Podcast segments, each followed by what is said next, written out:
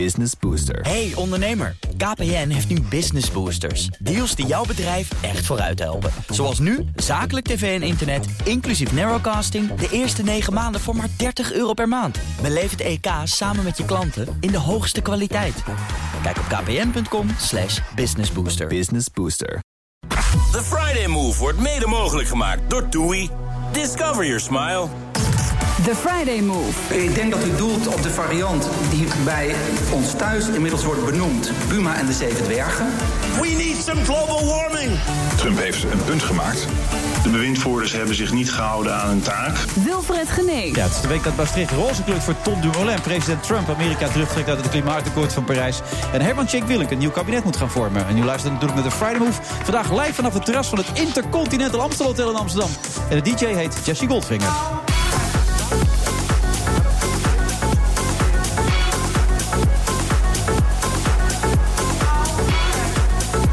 Francofiel naar Italië. Gek programmamaker en wijnboer Ilja Gort gooit het in zijn programma over de grens over een geheel andere boeg. En tot half zeven is hij mijn co-host. En het was natuurlijk ook de week van Tom Dumoulin. Filemon Wesseling deed live verslag van zijn overwinning. En hij schuift zo meteen aan over datgene wat hij daar heeft meegemaakt. En natuurlijk nog veel meer. En Mental Tio ging bijna ten onder aan zijn eigen succes. Over zijn gloriedagen en de periode daarna verscheen deze week zijn biografie Wonderful Days.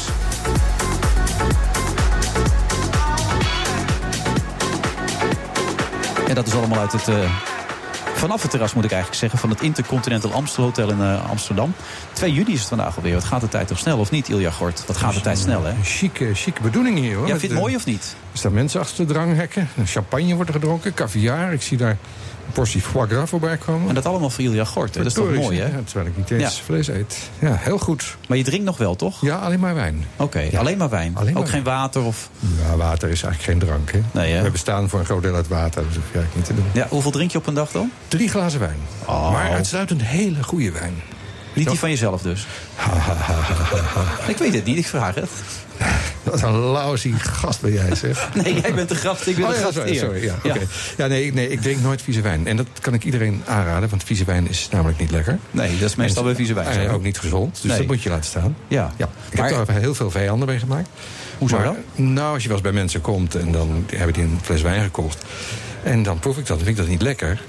En dan zeg ik dat. Natuurlijk heel vriendelijk, zoals jij het zou zeggen. Heel Ja. beleefd en vriendelijk. Het is, niet te, het is niet te zuipen, zeg je dan. Dan zeg ik van, ik vind deze wijn is niet helemaal volgens mijn smaak. Nee. Maar meestal heb ik ook in mijn rugzak een reservefles wijn bij me. Die wel Jij draagt is. nu ook een reservefles wijn Eh, bij je, of ik heb nu ook een fles wijn bij me. Is dat je rugzak daar? Eh, nee, ik sta hier onder de tafel. Ik ben bang dat jij hem anders jat. ja, confiskeerd inderdaad. En wat voor wijn zit er nu in dan? Daar zit nu een- Petru dat- of zo? Dat mag ik niet noemen. Dat is een merk van mijzelf. Ja. Van jezelf? Ja. Dan mag je het noemen hier hoor. Echt waar? Het is commercieel. Oh, hier. Alles mag hier. Oh, god. Ja, je mag ook de naam van je vrouw noemen als je wil. Alles kan hier in dit programma. Oké, nou. Ja. Wil je hem noemen of niet? Welke nee, bij even niet. Nee, dat dat, dat hou je vast. Ja, ik hou het nog even in de sleeve. Maar als die mensen dan een keer jou hebben uitgenodigd... je kunt je toch voorstellen, Ilja, dat is niet zo heel aardig van je... dat die mensen doodzenuwachtig zijn. Die weten de grote Ilja Gort met een neus van 5 Nou, miljoen komt. Om te beginnen ben ik Dus- niet zo groot. En die Jawel. mensen zijn niet zo zenuwachtig. Nee, dat, vrienden. Nou, dat, ja, maar vrienden die dan weten hoe jij bent... en ook nog weten hoe jij met wijn bent... en dat ook nog weten hoe belangrijk jij wijn vindt... dan kun je dat toch beter anders aanpakken. Dan kun je beter gewoon gelijk die fles op tafel dat zetten. doe ik vaak ook. Ja. Dat doe je ook. Ja. Maar mensen hebben vaak gewoon, die vinden het leuk om zelf een keuze te maken. Dus dan komen ze met die fles aan. Ja. En dan wil je ze niet beledigen. Dus ik heb een hele scala van opmerkingen hoe je dat kan pareren. Dat soort dingen. Heel vriendelijk. En dat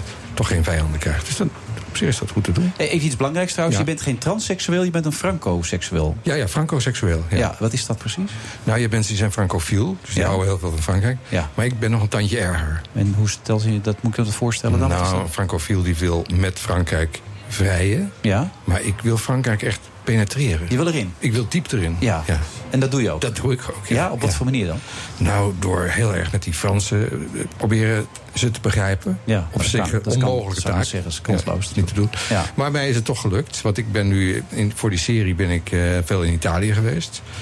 En ik ben van dat land Wacht je, je bent in Italië geweest voor die serie... maar je hebt het over Fransen die je wil penetreren. Dat snap ik niet helemaal. Nou, we hebben vier jaar lang heb ik programma's Ja. gemaakt over Frankrijk. Ja, maar dan heeft Italië er dus niks mee te maken. Jawel, want toen dacht ik van nou, ik wil nou wel eens wat verder. Dus Ja. ging naar een andere omroep, van Max naar Afrotros.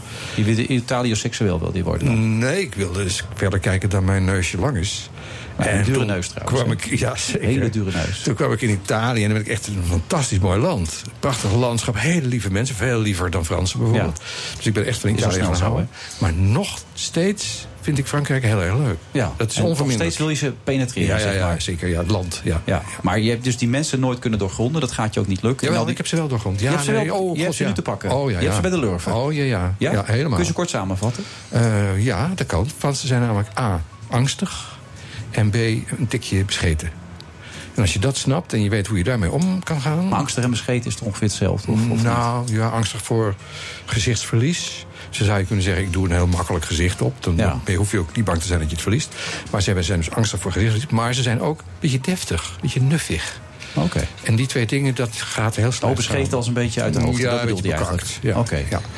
Dus dat is heel lastig. Maar als je eenmaal weet op welke knoppen je moet drukken... dan kun je daar echt geweldig goed eh, misbruik van Maar maken. hoe moet je daar dan misbruik van maken? Hoe doe je dat dan het beste? Wat is dan de tip daarvoor? Nou, wat ik heb gemerkt, wat vrij goed werkt... is gewoon een lijfelijk contact. Dus prikken met de gestrekte wijsvinger in de buik. In de buik? Jawel. Waarom Of in de in de zij.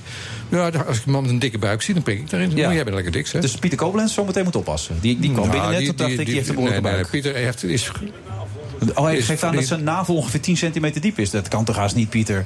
Dan verzuipt er alles in. 5 Ik centimeter diepe navel, vol vertelt Pieter slank- net. In een contactadvertentie zou dat omschreven worden als vol slank. Vol slank, ja. Rubens type. Ja, maar jij zegt prikken. Dat is belangrijk. Prikken. Ja, ja, ja. En dan in de buik of in de zij. Ja, of in de zij, het hangt er vanaf En wat gebeurt er dan?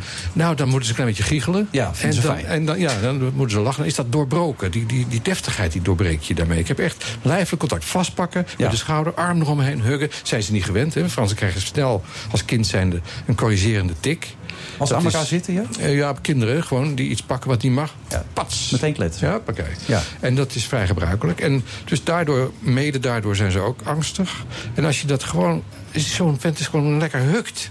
Dat heeft hij nog nooit meegemaakt. Dat vinden ze heerlijk. Dan gaat er een wereld voor ze open Absoluut. en dan heb je ze te pakken. Ja. Dan zijn ze van jou. Ja, dan kun je gewoon met ze praten en grapjes maken. En eh, ja, echt, dan kun je vrienden worden. Zo simpel is het Zo eigenlijk. simpel is het. Ja, ik heb er ook twintig jaar over gedaan voordat ik dat in de smiezen had. Maar hoe kwam je erachter dan? Opeens prikte je toevallig een keer, maar je had te veel gedronken of zo en toen was het klaar. Nee, het was tijdens die televisieprogramma's. Dat je dan, dan, dan moet je wel. Hè? Want Dan Ja. kom je ergens, er staat in het script van we gaan filmen bij wijnboer eh, Jean-Claude.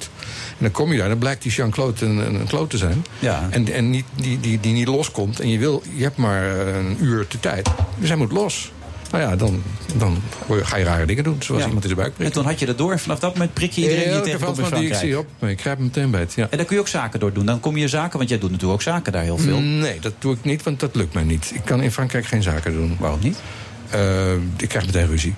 Maar je kan toch gewoon prikken dan? Ja, dan kunnen we wel lachen en we kunnen ook eten en zo. Maar zodra het over geld gaat, dan krijgen we ruzie. Dat wordt, dat wordt dan heb je ze dus toch nog niet helemaal door, die Fransen. Wat nou, dat betreft. op het dat- menselijk vlak wel, alleen het zakelijk vlak niet. Maar dat laat ik over aan mijn bedrijfsleider.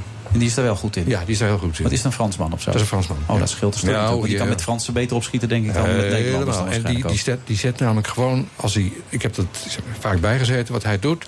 Hij stelt zichzelf drie treden hoger dan degene met wie hij onderhandelt. Hij zet een enorme buldogstem op en hij zegt: Zo wil ik het hebben en zo gaan we het doen en niet anders. Oh, nou, En dus zo simpel kan het dan ook weer zijn. En jij Ja. prikt ondertussen en Ja. hij dan zet de Eh, buldogstem ja, op. En dan ben je er gewoon uit met z'n tweeën. Ja. Dan, lukt dat wel. Maar dat penetreren is nooit letterlijk gelukt, want je hebt een Nederlandse vrouw, begrijp ik wel, ja, toch? een Nederlandse minnares. Ja. Ja.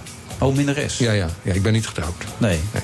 Maar ze weten wel van dat jullie een relatie hebben, of niet? Zij weet dat Ja. wij een relatie hebben. Ja, minderes is meestal wat geheim en zo. hè, dat je Nee, nee, nee. Minnares is iemand die je bemint. En dat doe ik met haar en zij met mij. En wij wonen al tien jaar, langer zelfs, heel tevreden samen. Ja. Dat gaat heel goed. Ja. Ja. Ja, no worries there. Nou, dit eh, wordt een topinterview de rest van de middag, denk je ook niet, eh, Ik Ilja? denk dat we hebben nog heel veel te bespreken. Ja. Ik heb ook heel veel over jou weten. namelijk. Ik heb Ja, begrepen dat? dat? jij eh, heel veel houdt van karaoke zingen. Nou, dat probeer ik een beetje uit mijn systeem te krijgen. Oké, maar wat, wat vind je, daar vroeg ik mij af. Wat is daar nou zo leuk aan? Nou, dan moet je eerst wat gedronken hebben. Vaak die hele slechte wijn van jou. Nee, die is flauw. Die hele goede wijn die daar in Ja, in die ja. rugzak zit. Ja. En na een paar wijntjes is er iets in mij dat zegt... dat ik denk, A, dat ik een beetje kan zingen. En B, dan gaat, helemaal, gaat alles los bij mij. Dan, en als ik daar sta te zingen, dat is heel serieus dat ik nu ga zeggen... dan voel ik me vrij. Wat goed. Ja, maar dan voel ik me echt vrij. Oké, maar nu ben ik alleen wel, maar nadenken. Wel mooi dat wijn dat kan doen voor je. Ja, Dus- Berenburg Cola doet het ook. Oh, Ja. Dat is jammer. En een Bacardi ook. Oké. Als moet, eh, kun je mij alles geven als ik maar kan zingen. Oké, Maar zingen probeer- maakt vrij dus. Ja, Dat- ik voel me nog vrij. Ik heb toevallig op de backlabels van mijn, eh, van mijn wijn gezet. Een sticker, een waarschuwing, een gele waarschuwingssticker. Kijk uit, deze wijn kan maken dat je denkt dat je kan zingen. Nou ja, Die is voor mij. Die is voor jou. Ik had hem mee moeten nemen. Nee, ik heb toevallig wel. Oh, je hebt alleen maar goede bij je. Ja. Dat is dan weer jammer. Ja. We gaan zo verder. Na de reclame. Onder andere met Filemon Wesseling, eh, Pieter Koblenz... die een navel heeft van 5 centimeter diep. Dat zijn toch even dingen waarvan je Ja. denkt, dat wist ik niet. Tot zo, na de reclame.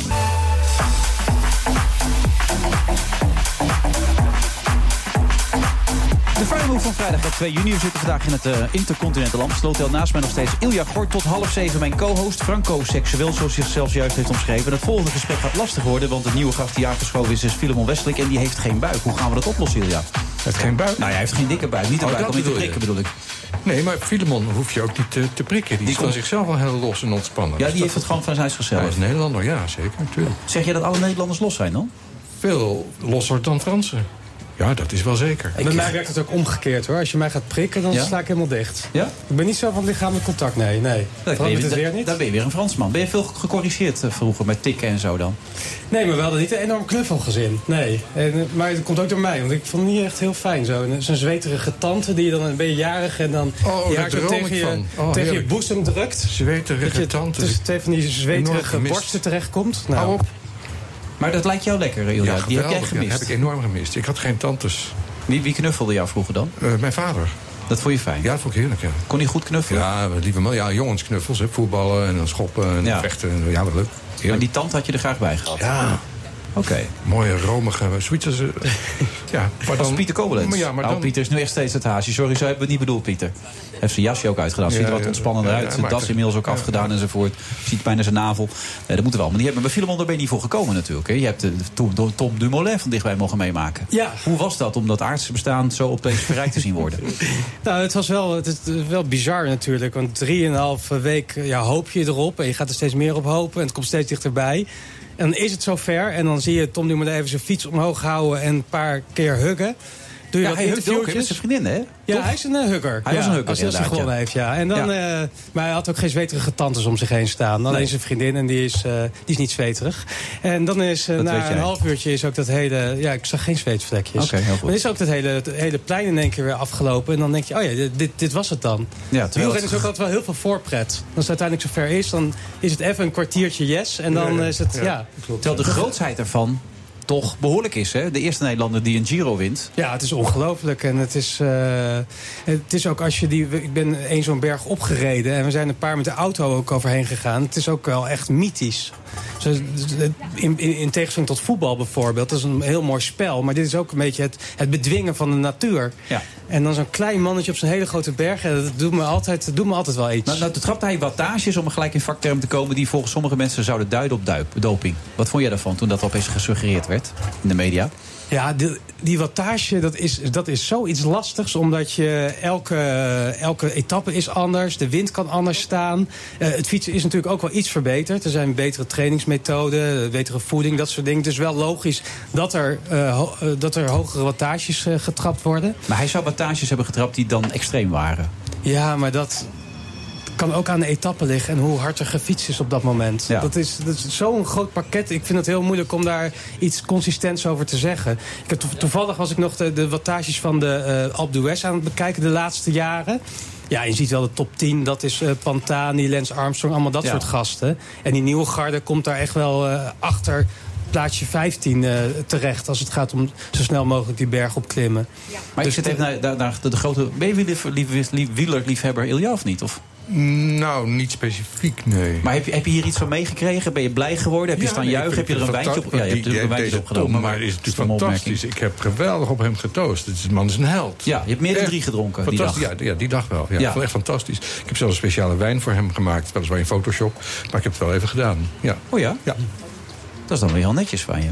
Ja leuk hè? Ja, echt Ja, leuk. Maar ja. hoe is het in Frankrijk bijvoorbeeld ontvangen? Je was niet in Frankrijk waarschijnlijk. Eh, ja, moment. wel. Je was er wel. En ik, in Frankrijk is het hetzelfde wat uh, Filemon eh, zegt als de Tour de France. hoor je dat? Filemon, oh, sorry. Filemon. Ja. Filemon. Ja. Eh, kom, eh, Filemon die.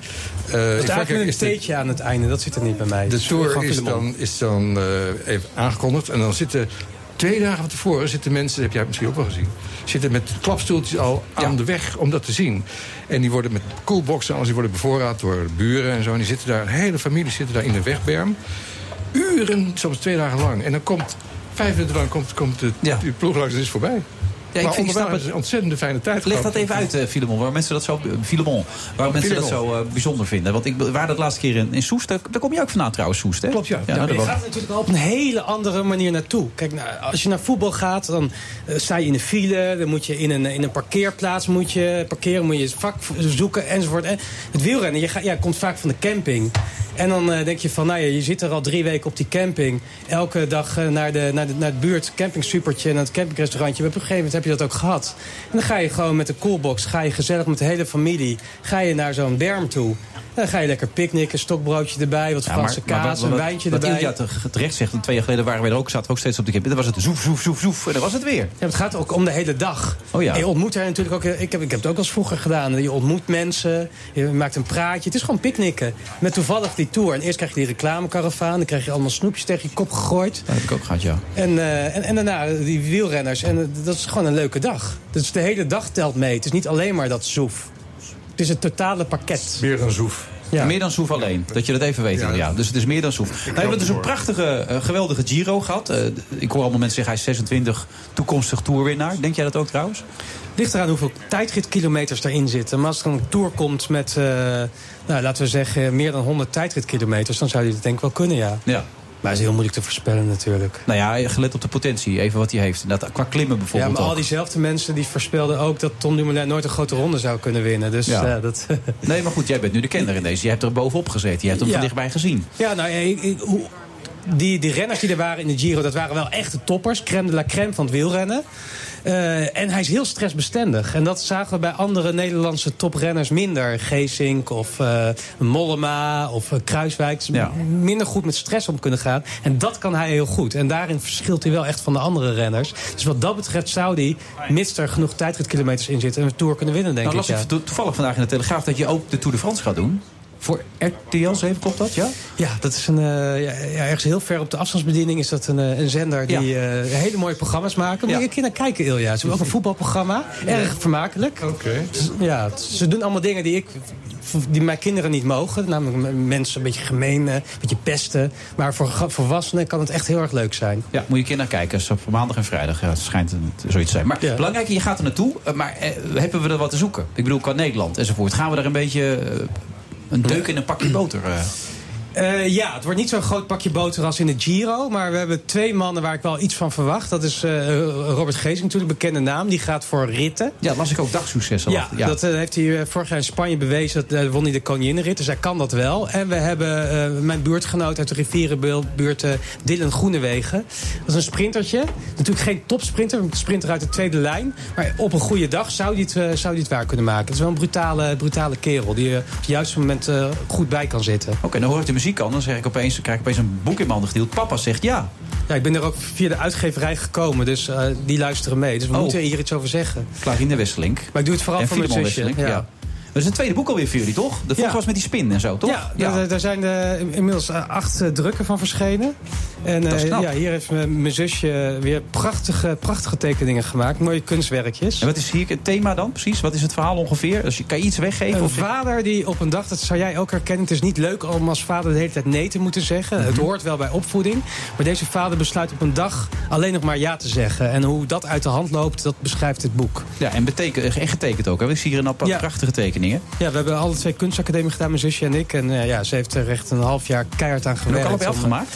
Ja, alles weer afgemaakt. Echt, het zijn echt, ik vind het per, per bladzijde echt een kunstwerkje. Wat vind jij ervan, eh, Ilja? Even als kunstkenner. Als Je kunstkenner. ziet er anders als een kunstenaar zelf ook uit. Hè? Met die Ja. baard en die toepet. Het is geen baard. eh, Wat is het dan? Het is een snor. Is dat een snor? Het is een snor, ja. echt waar? Natuurlijk zie je dat niet. Een baard Nou, goed ja. op je ba- baard is kinhaar. Kijk nou, dit is, is deze opening hier tussen. Dit, zijn, Ja. dit is een, gewoon een lange snor. Het is een hangsnor. Oh, is dat nou een? Dat is een. En dit boek is Ja, dus heel erg mooi. Eh, dit boek is van hoge opvoedkundige waarde. Ik adviseer iedereen die kinderen heeft om dat direct eh, te kopen. Ik zou zeggen, veiligheidshalve koop er twee. Het is binnenkort Vaderdag, dus een heel leuk Vaderdag cadeau. Het is erg mooi getekend. Het is uitgegeven door uitgeverij Moon, M-O-O-N. Het kost 14,99. De leeftijd is 3 plus. En anders nog iets? Nee, dat dat was wel. Ja, dat heb je geweldig gedaan. Mag ik jou? tientje. Ja, fantastisch gedaan inderdaad. Prachtige omstandigheden hier trouwens. Bij het eh, Intercontinental Amstel Hotel. Je kunt nog langskomen trouwens. Het wordt de rest van de week wat minder goed weer trouwens. Maar het, het voordeel is, wij zitten volgende week in Gran Canaria met, eh, ja, via TUI. Oh, gewoon met deze uitzending niet, eh, uitgenodigd, Had je gekund dan? Ja, zeker. Nou, kom je gewoon weer. Oh, leuk. Ja. Nou, deal. Ja, laat je die snor nog verder groeien en dan kom je gewoon weer langs. Geen enkel probleem natuurlijk allemaal. Filemon, we gaan elkaar spreken heel veel de komende periode. Nou ja, vanaf, heel 30 erg zin in. vanaf 30 juni, hè, dan, dan ben je erbij. En een prachtig boek inderdaad ook. En laten we hopen dat er toch nog wat Nederlands succes gaat komen in de Tour de France. Voor dit moment bedankt, tot zo na de reclame. The Friday Move. Drukken we op de knop En dat mag natuurlijk niet. Evidenties eh, die zijn zelden zo evident als soms wordt aangenomen. Eh, Daar komt hij. Pleur op, zou ik in plat Haag zeggen. Wilfred Genees. Stientje van Veldhoven, Pieter Koopmans en Mental Tio zijn nog de gast in deze uitzending van de Friday Move. En hij zit er nog steeds. Inmiddels zit hij ook echt. Ilja Gort.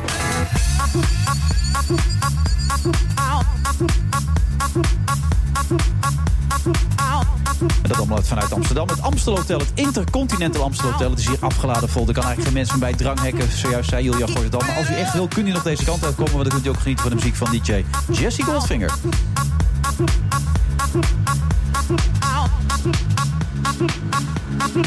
En mocht je dan ook nog eh, via Twitter willen reageren, kan dat via @bnr Friday of @wilfred. Nee, Twitter je eigenlijk, Ilja? Of eh, zeg je nou? Ja, ik ben een enthousiaste twitteraar, ja. Echt waar? Ja, ik vind het ontzettend leuk medium. Waarom? Omdat je heel snel eh, berichtjes de wereld in kan doen.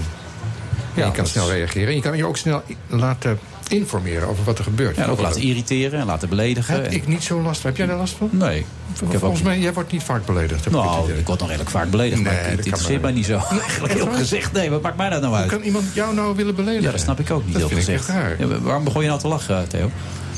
Nou ja, kijk, bij, bij Twitter. Het is wel echt een, een oldschool dingetje, jongens, hè, Twitter. Oldschool? Ja, het is echt oldschool. Zegt, eh, ja, oké, nee, ga door. Ja, Twitter is natuurlijk een tijdje heel erg groot geweest, maar het is een beetje, ja, dat is niet echt meer. Het is, eh, Facebook is tegenwoordig eh, echt upcoming. Het echt waar? Ik dacht dat dat ook alweer voorbij was. Maar nee, het is... Facebook en Instagram is nog steeds heel erg belangrijk. Vooral het Instagram, wat een beetje de technieken overneemt van Snap, Snapchat. En ja, die, dat is tegenwoordig wel de hype. En dan, Twitter is een beetje een soort bijzaak. Oh, nou, dan zijn wij een bijzaak geworden. ja. we weer Dus uitgerangeerd. bijzaak. Of Nee, ik heb wel een Instagram, maar ik doe er echt één keer in de maand een filmpje op. Ik vind dat zo ingewikkeld allemaal. Alhoewel, dat valt ook wel mee. Ik vind zoveel werk altijd, die filmpjes. Nou ja, maar dan moet je gewoon, je moet je ook gewoon laten doen. Dan heb je dan goede bureaus voor die het gewoon voor jou kunnen, kunnen doen. Wie doet dat voor jou dan? Eh, mijn eigen bureau. Je hebt een eigen bureau. Don't, eh, Don't Mind Agency, dat is een, eh, een marketingbureau. Daar hebben we mensen op zitten die voor bedrijven zeg maar, dat stukje traject zeg maar, op ze maar pakken. Omdat er heel veel bedrijven, die, net zoals jij, je zegt het zelf al. Ja, voor mijn werk heb ik allemaal dingetjes doen. Maar als het voor je werk belangrijk is en je kunt er echt iets mee, iets mee zeg maar, winnen. Dan moet je het aan mensen overlaten die daarvoor jij eh, hebt dat gestudeerd helemaal hebben. niet nodig, jongen. Nee, toch? Nee, jongen, jij, zo jij, gaat, jij, jij gaat zo hard. Het is nergens voor nodig. Nee, dat is waar. Maar het- jij gaat ook hard trouwens, Theo. Dus jij hebt het ook helemaal niet nodig. Eh, nou ja, wat is wel of niet nodig hebben natuurlijk. Het is ook, je zegt, je gaat heel erg 200 hard. optredens per jaar nog, las ik ergens. Ja, dat is nog maar een van de dingetjes die ik zeg maar doe. Ja, want je hebt ook gewoon een bureau dat de PR voor verzorgt voor iedereen. Dus dat is ook nog weer Nou ja, jou. het grappige is net, dan, dan vraagt iemand van, wat doe je eigenlijk nog? En dat is de vraag die heel vaak eh, ge- gesteld wordt. Dan zeg ik altijd van, nou ja, buiten de 200 shows per jaar heb ik nog vier eh, bedrijven. Waarvan twee boekingsbureaus in Nederland, eentje in België. En dat marketingbureau natuurlijk. En doen wij de boeken van onder andere Kleine, eh, de Koen en Sander Show, eh Domien eh, Verschuren en nog vele andere. Maar dan dan vragen mensen, waar haal je dan de tijd vandaan? En dan is het antwoord heel kort, goede kapiteins op een schip zetten. Ja, en je bent gewoon de bovenste baas die be- bekijkt alles van Ja, bovenaf. baas vind ik een vreselijk woord. Ik vind, Oké, ik vind, ik dat leuk om, om, om mede al die hele jonge gasten, want het zijn allemaal hele jonge gasten die ik om me heen heb. Om die gewoon ja, uit ervaring te sturen, zo min mogelijk. Want ja, laat ze gewoon zelf ook gewoon fouten maken.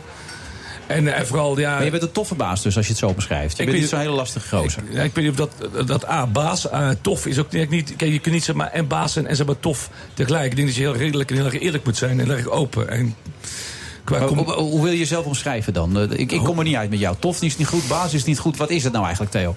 gewoon mens. Gewoon mens. Gewoon mens Ja. met, met normaal communiceren mens zijn. Dat is denk ik voor heel veel mensen het Maar grootste ben jij CEO probleem. of heb je een titel dan? Of, of Ja, doe nou je ja, dat, is de, bij Business Radio is het natuurlijk je hebt allemaal titels. Maar ik heb helemaal. Nou, ik, ja, ik heb wel een titel. Mental Theo. DJ. Ja. Dat is de enige titel waar ik echt trots op ben. Maar al het andere eromheen en al die, al die benamingen. Nee, dat doen we echt niet aan mij. Bij ons is het gewoon Je zegt keihard nou, je werken. zegt nou mental Theo, maar dat is jouw artiesten. Zo ben je begonnen, hè? Ja, Dat wilde ze eigenlijk zeggen, een soort gek, toch? Mental is een soort geesteszieke. Ja, nou, voel je jezelf ook zo dan? Of voel je jezelf toen zo? bij Wikipedia, en als je het leest, dan gaat het over een bepaald dansje. En dat heeft er helemaal niks mee te maken. Toen ik vroeger als klein mannetje in zeg maar, Spanje begon, had ik een Amerikaanse vriend. En die noemde me altijd mental. En waarom? Omdat ik de manier van het presteren van shows. Toen moest je nog een show of een avond aankondigen. Moest ik in zeven talen doen. Dat ging dus zeven keer mis. En dan, daardoor kreeg ik een bijnaam omdat ik een beetje gestoord was in mijn manier van presenteren. En dat Tio, dat komt op zijn Spaans. Als je tegen iemand zegt, als het tegen een maatje kom je tegen, dan zeg je op zijn Spaans: Que pasa con Tio, eh, Tio hombre. Hè? Is van: hey, hoe is het met je, met je maatje? En dat Tio is T-I-O. Dat is gewoon een soort, soort slang dingetje. hey, vriend, hey, maat. Daar komt mental Tio dus vandaan. Een gekke vriend. En dat later is dat van, nou, dat dachten ze dat het door dansen was of andere dingen. En daar is er Theo achter gekomen. Ik heb het niet zelf eh, verzonnen overigens. Dat is wel een hele goede naam. Ja, hey, Ja, echt. hey, ik mag jou nou al. Ken je hem eigenlijk? Ken je Ilja? Of had je nog Nee, nooit van nee, gehoord? nee, nee. Alleen zijn ken store kende je. Terwijl ik al foto's van Mental Tio heb boven mijn bed. Dan ga je, nee, ook trouwens een rockster geweest. Even tussendoor. Gewoon, gewoon een grote naam, hè? En allemaal tunes gemaakt ook. Nescafé, Nationale Nederlanden. Nou, daar zeg, je, daar zeg je ge- geweest. Maar ik denk als je ooit in de rock gezeten hebt... als je een pionier bent geweest op, in, in die sound... dan ben je voor mij nog steeds een bepaalde ster. Want wij uit onze muziek halen nog steeds de creativiteit uit die tijden. Zeker uit de rock. Dus voor mij ben je dan nog Maar steeds Ilja, een je zat toch in een band die T-set opvolg had opgevolgd, toch? Dat was het Ja, idee, toch? klopt. After Tea hebben Ja, jullie toch? Daar zat je in. Dat je dat weet. Ja, een beetje opgezocht allemaal natuurlijk. Oh, zo. Ja, Oh. nee, anders dan kom ik er nooit achter. oké. Ja. Maar eh, was, was je zanger of speelde je gitaar? Wat deed je? Nee, ik was de belangrijkste man van, van elke band eigenlijk. De drummer. Het, vet. Ja. goed. Ja, dat zijn de, de hardst werkende paarden in een band. Oh, Ja. nou en op. Maar hij genoot er niet echt van, want hij maakte helemaal geen misbruik van die groepjes en zo. Al de, de rest van zijn band die, nou, die ging helemaal los op die vrouwen. En Ilja die snapte niet hoe dat moest, las ik ook. Dat Toch? klopt, ja. Ja, daar hoe heb ik nog dat? steeds spijt van eigenlijk. Eh, nou ja, ik deed het gewoon. Ik wist niet hoe ik dat aan moest pakken. Ik kon en kan ik Je hoeft het niet aan te pakken, ze- je kon ze gewoon aanpakken, had ik de Dat indruk. durfde ik niet. Ik wou dat ik toen destijds een sprankje had van wat jij hebt. Nee, dat eh, moet je bij met de Tio. Ja, dat ja, weten. ja, jij wijst het vingertje meteen door. Dat is niet netjes, hè? Nee, maar jij- jij weet toch hoe dat werkt, of niet? Met zeg maar groepies. Ja. Ja, kijk, ik- zal het zo zeggen. Als je in een rollercoaster van succes zit... je hebt op een gegeven moment overal lak aan... en er komt, er komen alleen maar fotomodellen op je af... als je dan een bepaalde zwakte hebt... die ik toen op dat moment had... Ja. Ja, dan geef je zelf Foei. over. En als je dan zelf één keer aan zoiets overgeeft... dan gaat het zeg maar positief de mist in. Ja. En hoe, hoe- ga je positief de mist in dan? Wat gebeurt er dan? Nou, wat, moet ik je uitleggen hoe dat het werkt? Ja, ja, nee, vertel. Je, je, je, je hebt Is hier ook... Business is Radio? Ja, nee, maar dat mag je niet. Het staat in het boek voor een gedeelte. Ja, je komt namelijk de mooiste vrouwen ter wereld tegen. En dat zijn vaak ook dat je denkt van nou, die, die zijn normaal onbereikbaar. Want hij ook wel aangeeft. Ja, dan, dan durf je het op een gegeven moment niet. Want soms komen ze op je af en je denkt van nou, dit is veel te hoog gegrepen voor me. Maar als het dan één keer lukt en je merkt doordat je artiest bent dat het zo makkelijk is. Ja, dan, dan, dan, dan, dan, dan, ja, dan, dan word je als kind losgelaten in een soort snoep, eh, snoepwinkel. En houd dan maar eens je handen thuis. Nou, zo simpel was het dus heel jaar Oké. Ja. Nou, nou, Had dat het toen maar gedaan. Ja, zeker. Ja. Het kan nog altijd, hè? Maar eh, eh, eh, ik- Theo, even tussendoor. Oh, het boek. Ik, nu begrijp ik trouwens waarom... Ik had van de week Vincent de Vries aan de lijn. Die, die blijkt het boek dus geschreven te hebben. Die had ik voor Helly Sanders aan de lijn. Die was maar enthousiast over het boek. En geweldig boek, dit. en Maar hij heeft het geschreven. Nu begrijp ik waarom hij zo enthousiast is. Ik denk, waarom is hij nou zo daarom ben ik zo enthousiast? enthousiast over Vincent de Vries. Want Ja. ik, ik vergeet niet dat ik aan, aan een boek begon. Ik wist echt helemaal niet waar ik aan begon. Maar deze man heeft alles zo goed verwoord, geschreven, in, in, in elkaar gezet. En ik, zei, ik ben niet echt een boekenlezer. Maar de reacties die allemaal terugkomen. Want ik vraag hem nog steeds. Zegt hij van, oh, we staan eh, bij de bestsellerlijst van bol.com. Wow. Ja, maar het gaat echt heel goed. de- De eerste druk, 5000 meteen weg. Meteen tweede druk. de tweede druk erachteraan. En toen heb ik hem ook echt gewoon geappt van... is dat goed, Vincent? Want ik heb echt geen idee. dat is hij hartstikke goed, ja. dol enthousiast. En ja, dat zijn van die kleine dingen die je denkt van... ja, dan begin je ergens aan gewoon omdat je het leuk vindt. Puur omdat je het leuk vindt. En dan krijg je zoveel positiviteit uit de markt terug... dat ook een Fernando Rix op een gegeven moment vanuit eh, Valencia zat hij volgens mij... dat je, dat je in één keer zo'n zo'n foto van hem krijgt van... het wordt dus voorgelezen voor hem. Ja. Maar zo fantastisch. En de liefde die, eh, die je mee teweeg brengt is... En natuurlijk ben je bang als je zo'n boek loslaat van... vinden mensen het wel oké? Is het wel leuk? En als het dan allemaal leuk is, dan denk ik dus van... oh, dankjewel, vooral Vincent de Vries. Maar je hebt er ook alles in gezet. Hè? Wonderful Days. Het gaat over het feit dat je ook aan de grond hebt gezeten. Alles is gewoon verteld. Ja. Maar wat is nou het meeste wat je geleerd hebt in die afgelopen 25 jaar? Als je dan toch iets mag samenvatten. Nou, die vraag heeft ze nog niet gesteld in al die interviews die ik heb, eh, heb gehad. Het meeste wat je geleerd hebt is eh, vooral om... eh, ehm, A, toch gewoon te doen waar je zin in hebt. Toch je leven te leiden als je denkt dat er wat goed is. En de, de fouten die je daar, daarin maakt zijn als het ware alleen maar lessen. En wat je hebt geleerd is dat, dat je qua communicatie gewoon met mensen om je heen en qua eerlijkheid veel duidelijker moet zijn. Soms is duidelijkheid en eerlijk zijn echt het allerbelangrijkste binnen en relaties en zaken doen. Want daar loopt het vaak op stuk. En waarom was je dat niet dan? Nee, daar weet ik Dat is niks van. voor jou. Ja, dat is allemaal nieuw. Maar waar, waar- waar was je dat er Ja, maar ik, ik was bezig natuurlijk. Kijk, als je zeg maar 300 keer per jaar in een vliegtuig zit over de hele wereld heen, al die fotomodellen, je wordt alleen maar op handen gedragen. Dan zit je in zo'n rollercoaster van succes dat je overal lak aan hebt. En je denkt van, ah, het kan allemaal wel. Joh, maakt er maar niet uit. En totdat je een keer flink tegen die muur loopt en dat de belastinginspecteur voor de deur staat en, en dat de relatie de mist gaat en dat alles in duigen valt, dan pas word je echt gewoon wakker. En dan, en dan zeggen mensen, heb je daar een beetje spijt van? Ja, nee, het is, het is een leerproces. En dan, dan komt een, het credo uit het boek ook van, niet het vallen is falen, maar het weigeren op te staan. En dan, en dan is het aan jezelf om weer overeind te klauteren. Ja, eigenlijk is het leerzaam geweest. Eigenlijk ben je er blij mee dat het gebeurd is allemaal in je leven. Je, je bent nu meer dankbaar, meer bewuster van alles wat je hebt eigenlijk. Mede ook dankzij dat, dat boek, natuurlijk met Vincent aan tafel zat. Al die sessies, 80 uur praten tegen zo'n man. Dan praat je alles van je af, weet je wel. En alles gewoon eerlijk. Ik heb ook tegen mijn collega Charlie Lones gezegd... ik ga alles eerlijk zeggen, vriend. Want het is gewoon fijn dat ik het van me af kan schrijven. En dan, dat er gewoon heel veel duidelijkheid is. En dat is een soort, ja, heeft een soort helende werking gehad. Maar zijn er mensen beledigd, beschadigd? Eh, Of, of Nee, valt ik dat heb, mee? nee, ik heb vanaf dag één gezegd... als ik een boek ga schrijven, wil ik niemand gaan beledigen... niemand beschadigen, niemand onderuit trappen. Ook al die dames die erin voorkomen, niet met naam noemen... gewoon respectvol blijven. Want, Saai zeg. ja, maar ja, één zegt, één zegt saai, andere eh, zegt van... je had meer sensatie kunnen gaan zoeken erin. Die tijd hebben we gehad. Ik wilde een mooi, net eh, duidelijk boek... waarin het, de waarheid naar voren komt. En dan hoef je denk ik niet in detail te treden... want dan ben je nog een beetje in de ro- rock'n'roll blijven hangen eigenlijk. Hè. Maar op mijn leeftijd en, en ook met, met een zoon van, van 18... denk ik dat het eh, heel netjes eh, verwoord is allemaal. En wat mijn bedoeling ook gewoon Maar was. spicy genoeg om het te lezen. Want dat moet je wel zeggen. Ja, Ja, sommige mensen, mensen- anders, anders is het niet leuk. Dus, Nee, maar sommige mensen zeggen wow. Ja, Wat sommige mensen al, al wow vinden, vind ik zeg maar wel oké al. Dat, dat gaat Oh, toch dus wel. zo zit het dan wel in elkaar. het is een heel spicy boek. De, de de qua spice ligt bij mij hoog, zeg maar. Ja, Wonderful Days. Enorm spicy boek voor de mensen die daar niet zo aan gewend zijn. Daar komt het eigenlijk op neer. Die moeten het vooral gaan lezen. Van A tot Z. En dan, en dan, het, het is niet alleen maar, maar dat denk je daar even. Het is alleen maar die foute dingen, maar de dieptepunten en de emotionele verhalen die erin staan. Dingen die, die je als mens meemaakt. Ja. Die je niet zo gauw in het boek zou zetten, staan hier dus wel in. Ja, het is gewoon een levensverhaal. Daar komt het op neer. Het Prachtig. is gewoon een levensverhaal. En we, Ja. zijn, we zijn pas op de helft, hè. Dus eh, wie weet. Ja. Deel 2. Ja. Deel 2.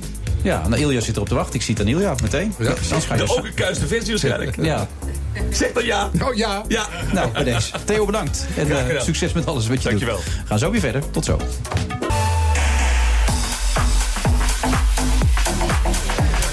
Vrijdag 2 juni. We zitten vandaag eh, bij het Intercontinental Amstel in Amsterdam. U kunt langskomen. Prachtig terras hier waar je heerlijk even kan vertoeven, wat kan drinken... en ook mee kan luisteren naar deze uitzending van de Friday Move. Co-host van vandaag is Ilja Gorti.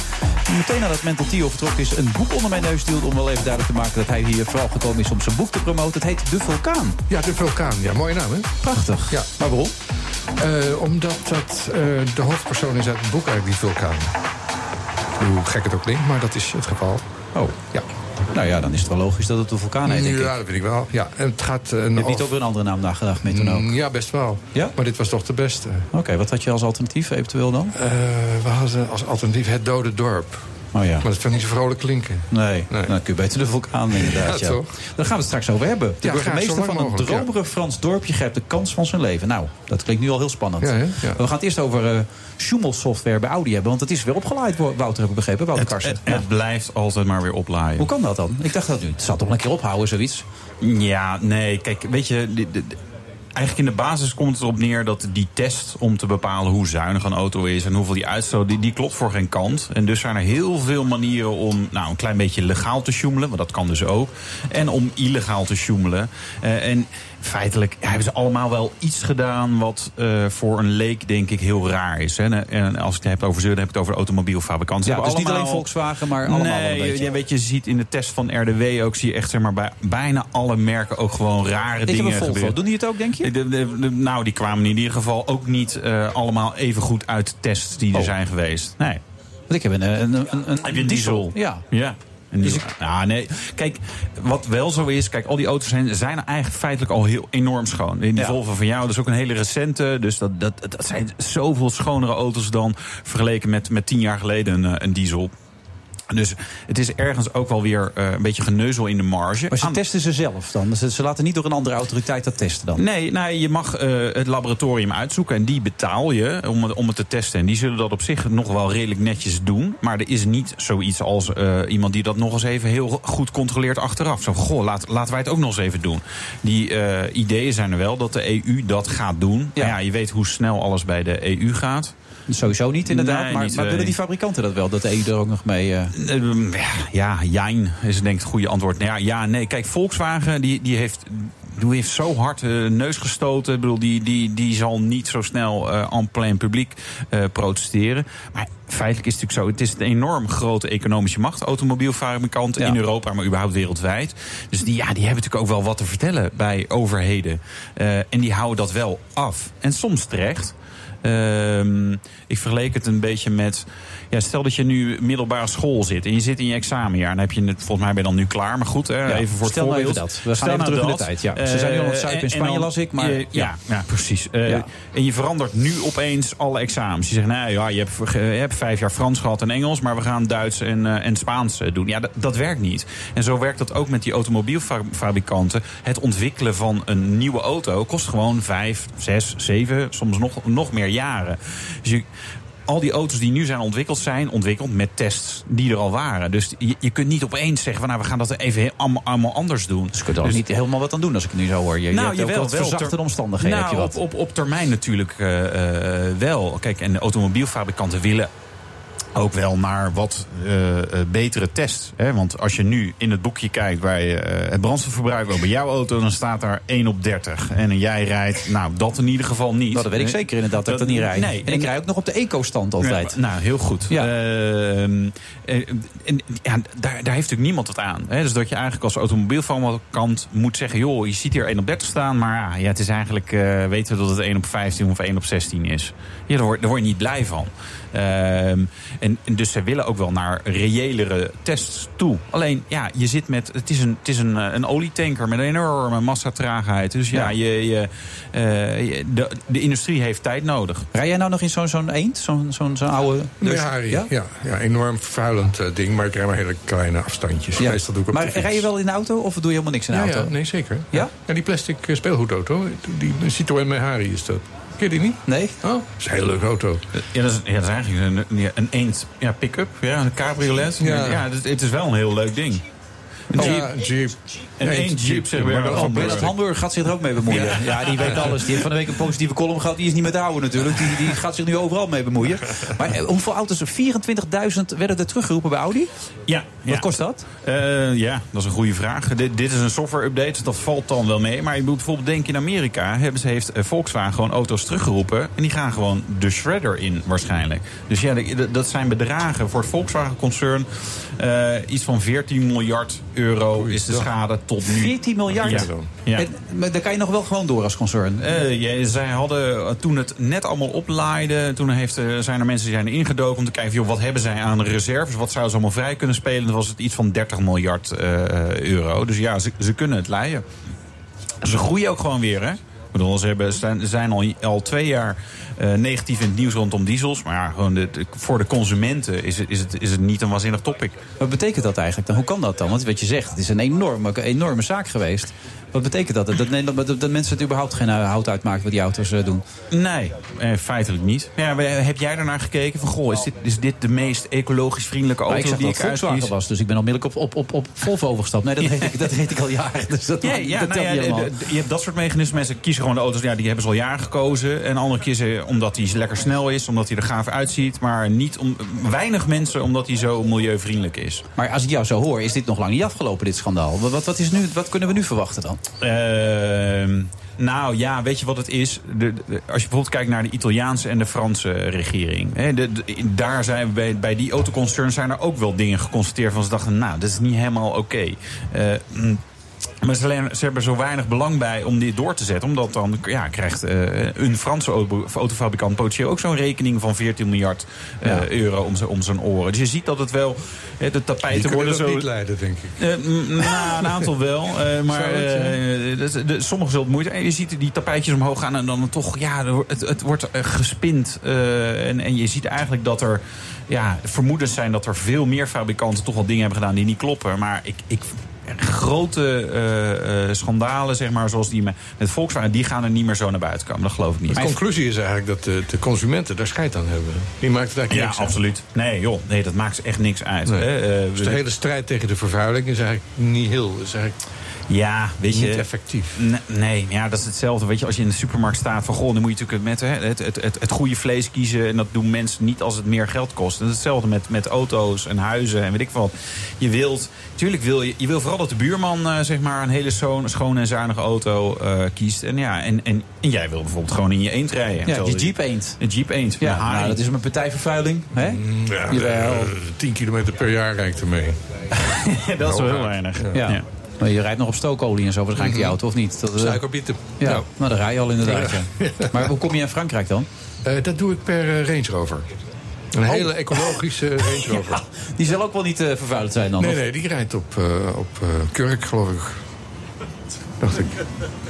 Goed. Maar komen er ook nog boetes straks en zo, Wouter? Gaat dat nog een nieuwe methode worden voor de Europese Commissie... om ze te bestraffen, al die grote Dit- dit- fabrikanten? Dat voorstel is er, maar dat gaat dan in vanaf eh, hè, als, ze, als ze dat goedkeuren. Dus zeg maar niet met terugwerkende kracht. Ehm, Maar per auto 30.000 euro boete of zo werd het toch gesproken, wel? ja, ja, als je dan bedenkt dat er eh, nou ja, miljoenen auto's in Europa zijn verkocht... eh, die potentieel niet helemaal de goede software Dan kom hebben. je niet met je reserves meer uit, heb ik het idee. Nee, dus dat gaat ook niet door worden gezet. Want wat heeft de Duitse regering en Merkel... wat hebben die eraan om, om Volkswagen failliet te laten gaan? Of. BMW of Mercedes? Dat, bedoel, dat, dat wil je niet. Nee. Dus dat gebeurt niet. Dus eh, we deden een plas, we dronken een glas... en Ja. alles bleef zoals het was. Daar het Nou, voor. Volkswagen niet helemaal. Die hebben wel, ja, die hebben wel heel veel, eh, hè, ook boetes in Amerika, eh, auto's terugroepen. Ja. eh, hier alle auto's terugroepen. Ja, de, de omzet is alweer omhoog gegaan. De, de- Ja. de, de, de oorlogskas is een beetje afgenomen... maar die gaan ze lekker snel weer aanvullen, neem ik aan. En dan blijft het allemaal weer zo. Eh, ja, er, is, er zijn wel dingen veranderd. Is dat, dat je die ziet, die beweging om die test te veranderen, die is ingezet. Dus eh, we krijgen straks een betere test. Eh, en wat er nu natuurlijk aan auto's binnen eh, eh, op de markt wordt gezet, zal niet meer van die. En eh, laten we nou wel wezen. die Donald. Donald Trump zegt het ook al, dat milieu, er is niks meer aan de hand, man. Die opwarming van die aarde, er is, eigenlijk is er helemaal niets aan de hand. Dus wat lopen we te zeiken met z'n allen, toch? Hè? Ja, nee, dat is toch lekker hier, een zonnetje Ja. op het terras. Zo warm was dat nooit in mei. Maar dat maakt verder niet uit. Ontzettend bedankt, eh, Wouter. Succes, we bespreken elkaar snel weer. Na de reclame gaan we door over een boek praten. Ik- het- Dat schijnt de vulkaan te hebben. Een leuke naam zeg. En de burgemeester van een dromerig Frans dorpje grijpt zijn kans van zijn leven. Dus dat wordt een prachtig verhaal zo meteen van Ilja Gort. Ja. Mooie foto Zal ik een stukje voorlezen? Nee, dat is een snor zeker die erop staat. Ja. Oh, slurp. Tot zo. Stap. The Friday Move. Er zijn maar heel weinig eh, mogelijkheden. Als de gebruiker in de ochtend op willen staan. Er is er eentje echt uitvoerig bekeken. Opgezwollen water, tomaten. doe ik ook graag, maar niet als informateur. Ik vind het een goede keuze. Dat is prima. Fantastisch. Wilfred Genee. Met de Friday Move live vanuit het Intercontinental Amstel Hotel. Althans, we zitten op het terras, dus we zitten eigenlijk buiten. Maar we zitten erbij in de buurt, of eigenlijk zitten we er gewoon. Met Jesse Kontvinger. Ja.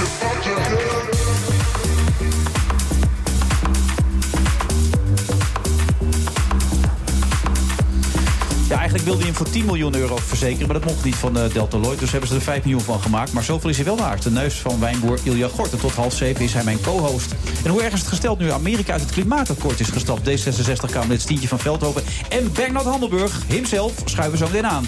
En van student natuurwetenschappen naar Hollywood-filmregisseur... het overkwam Tim Smit. Zijn internationale science fiction film Kill Switch gaat deze week in première.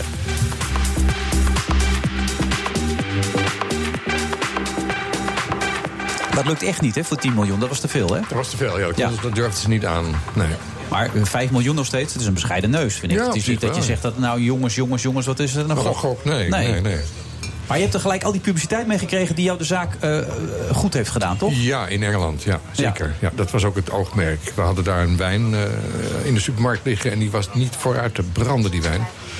En, je hebt er eh, alles aan gedaan. Je hebt al die journalisten pakketjes gestuurd Precies, en met wijntjes En erin en hard zo. aangewerkt, briefjes geschreven. En, maar we kregen eh, geen, geen soort van eh, beweging in die wijn. Nee. En toen dreigden we eruit gekikt te worden door die supermarkten. Want ja, als, dat, als die wijn daar stof staat te verzamelen... dan zijn ze ook niet blij mee. Dus die stuurde een briefje van... joh, je moet echt wat doen, want eh, anders gaat het niet goed. En toen had ik hier een afspraak om wijn te gaan proeven met mijn mensen op het château. En toen was ik verkouden. Moest ik iedereen afbellen. En toen had ik nog niks door. Maar een paar weken later stond ik keer onder de douche. En toen dacht ik opeens van... Eureka. Ja. Neusverzekeren. Ja, dat is hem. Dat is hem. Publiciteit, alles erop en eraan. Ja, super. Knaller. Ik zat eh, op het château, zat ik, eh, ik had dus een, een, deal gemaakt met... eh, oh god, als ik nou maar op die naam... Allianz. Ja. Met een Z op het eind. Ja. En die vonden het een leuk idee. Die zeiden, wij doen mee. Oké. Polis gemaakt. echt een hele dikke bijbel. Geweldig eh, correct helemaal. Zij durfde het niet aan. Zij bracht het uit bij, bij eh, Lloyds of Londen. En ik zat op, in Bordeaux zat ik een persberichtje te tikken. Ik denk, nou, dan gaan we scoren. En ik was nog aan het tikken, toen werd ik al gebeld door Edwin Evers. Die had vanuit Londen, dat Lloyds had dus al een persbericht gemaakt. Nog eerder dan het mijne. Die hebben daar een speciaal mannetje voor die heel behendig eh, persberichten eruit doet... over de vingers van Keith Richards en de borsten van, eh, weet ik veel, Jennifer Lopez of zo. Dolly Parton. Ja. die zijn wel heel oud. Dan weet ik niet dat die nog geld waard zijn. Nee, dat is... Nee, die zijn voorbij. Misschien minder, hè? Ja. Nee, het waren de billen van Jennifer Lopez. Gewoon. Oh ja. En de borsten van? Ja, dat weet ik niet. Ik, was, ik weet wel, het was anderhalf miljoen per bil. Terwijl ik al op 5 miljoen voor één neus zat. Ja. Dus dat ik toch boven. Per gat 2,5. Ja. Ja, per neusgat. Ja. Gaat snel dan, hè? Dat ging goed. Ja. Maar goed, vanaf dat moment barstte er een enorm publiciteitsextra in, Lo- in Londen los. En daar hebben we heel veel profijt van. We zitten nog steeds bij diezelfde supermarkt. Naar volle tevredenheid. Wijn loopt goed.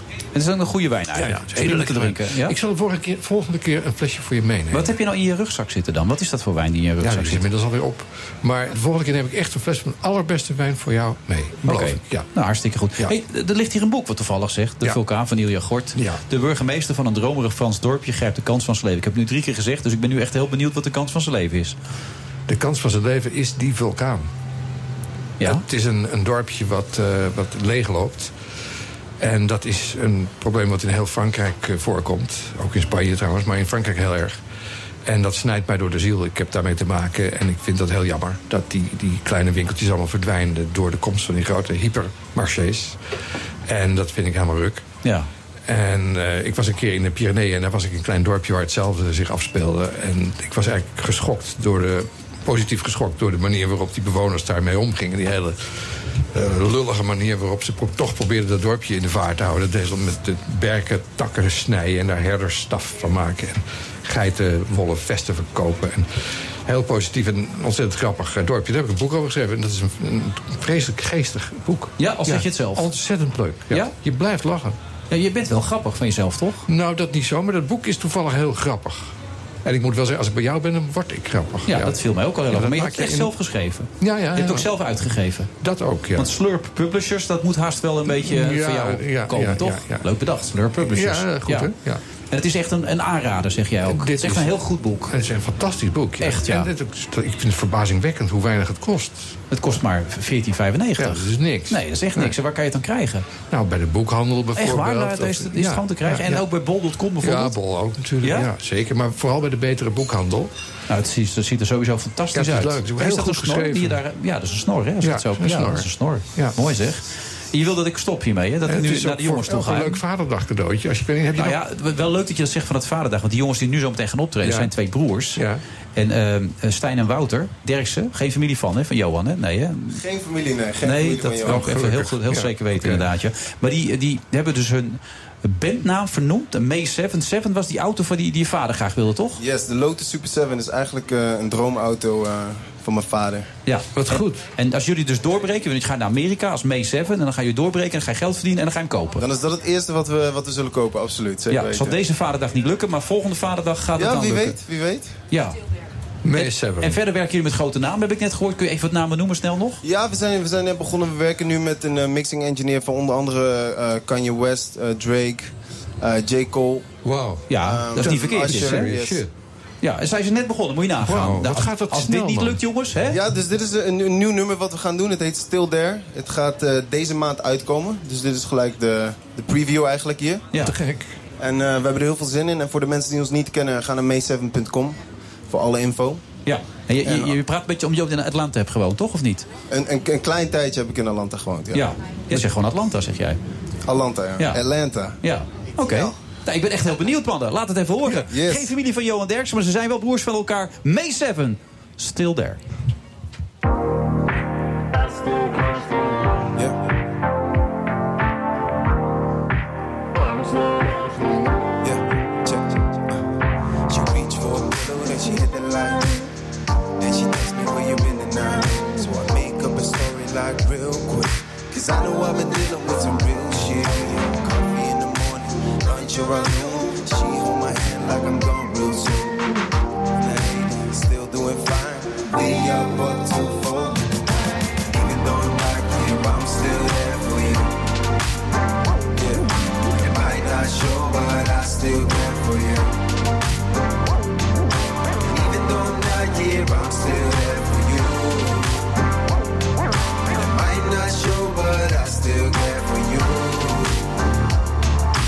Used to see me, but you say no. And now you keep on calling just to say something. You see me way, way better ever since. Well, I'm still the boy, I haven't been yet. The love for you and me wasn't everlasting. Cause I do the things you thought it never happened.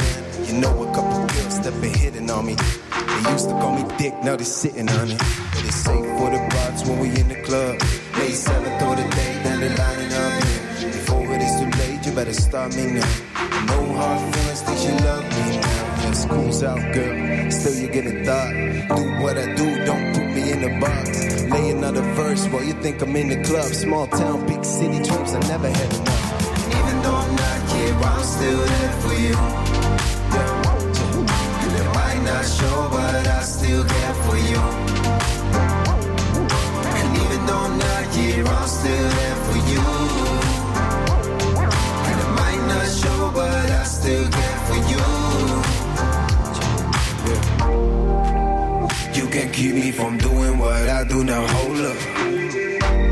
You can keep me from doing what I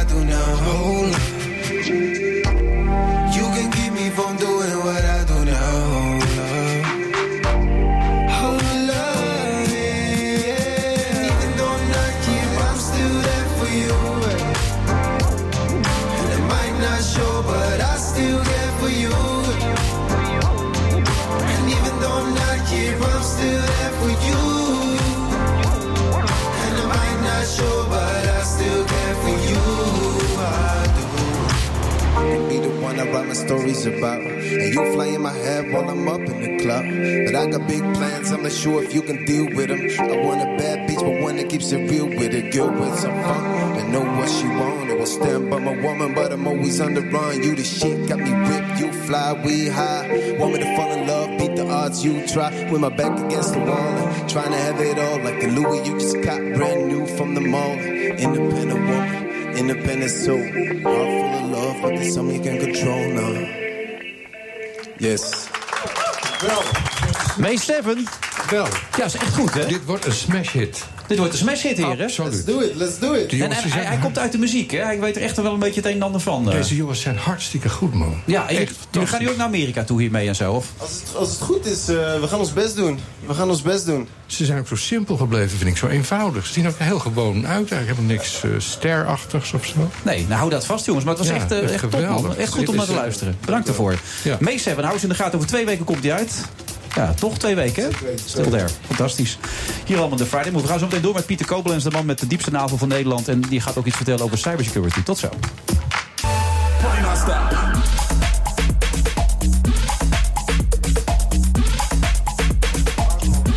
U luistert naar de Friday Move van vrijdag 2 juni. We zitten bij het eh, Intercontinental Amstel Hotel lekker op het terras. Als u wil, kunt u langskomen. Dat heeft eh, Ilja Gort onder andere gedaan. Eh, hou je nog een beetje vol, Ilja, of niet? Het is wel druk hier, hoor. Jemig. Ik Ja? zou er verder geen mensen meer uitnodigen nu. Hier, hier laten we Ja, bij. ik zou het niet gekker maken. Allemaal voor jou, hè? Ja, veel vrouwen ook. Ja, Ja, leuk. Ja. Maar ja, daar kan je nu niks mee doen. Nee, nee, maar jij wel? Nee, ik ben ook getrouwd. Ja, maar dat valt onder public relations. Is dat zo? Ja, ja. Oké, jij zegt het. Maar de man die daar... Nee, daar ga ik niet over in. Ik zou, ik zou ook niet boven die navel beginnen, Pieter. Gewoon leuk dat je er bent. Heeft hij al geprikt? Hij Ja, heeft even, even- geprikt. even- Ja? Je bent zojuist Maar geprikt? Ik heb godzijdank korte vingers, dus ik ben goed weggekomen. Oh, dat scheelt dan alweer. Voor de mensen die wat later inschakelen. eh, de truc om Fransen een beetje voor je te winnen... heeft Ilja Gort uitgelegd... is door ze even in een dikke buik te prikken. En toevallig heeft... ehm, ja, eigenlijk moet ik het ook weer andersom zeggen. Pieter Koblenz, een diepe navel. Eh, Of hij nou een grote buik heeft, weet ik niet. Maar een diepe navel heeft hij. En die is even geprikt zojuist en dat beviel, toch? Ja, ik ben wel mijn ring kwijt, maar goed. Dat... Oh, ik dacht dat het een horloge was, sorry. Ja. Pieter, je kwam maar voorheen iets anders. Waar kwam je ook alweer voor? Cybersecurity, toch of niet? Dat ja. was het. Ja, dat klopt. Nou, vertel, wat ga je doen? Je gaat, de, overheid doet er niks aan. Jij gaat er wat aan doen, toch? Nou, jij gaat ik- ingrijpen. Ik ben oud-generaal, dus ik doe sowieso niks. Dat doen bedrijven die er heel veel verstand van hebben. De overheid heeft eh, eigenlijk één grote uitdaging. Als het gaat om eh, cybersecurity en het opbergen van je data. Je weet niet waar het opgeborgen wordt. Je weet ook niet wie er naar kijkt. Dus de eenvoudige oplossing is eh, ervoor te zorgen dat Nederlandse bedrijven, die ook Nederlands blijven, niet verkocht worden aan andere mogendheden. En ook eh, op een dusdanige manier werken dat ze door de Nederlandse overheid te controleren zijn. Hun data in Nederland opslaan en om Microsoft nog extra te irriteren, eh, daar nog een Nederlandse veiligheidsoplossing, encryptieoplossing overheen te leggen. Daar komt het in het kort op neer. En dat ga jij regelen? Ik heb dat niet geregeld. Ik heb zes bedrijven bereid gevonden die al lang in de IT werken. Sommige langer dan 20 jaar.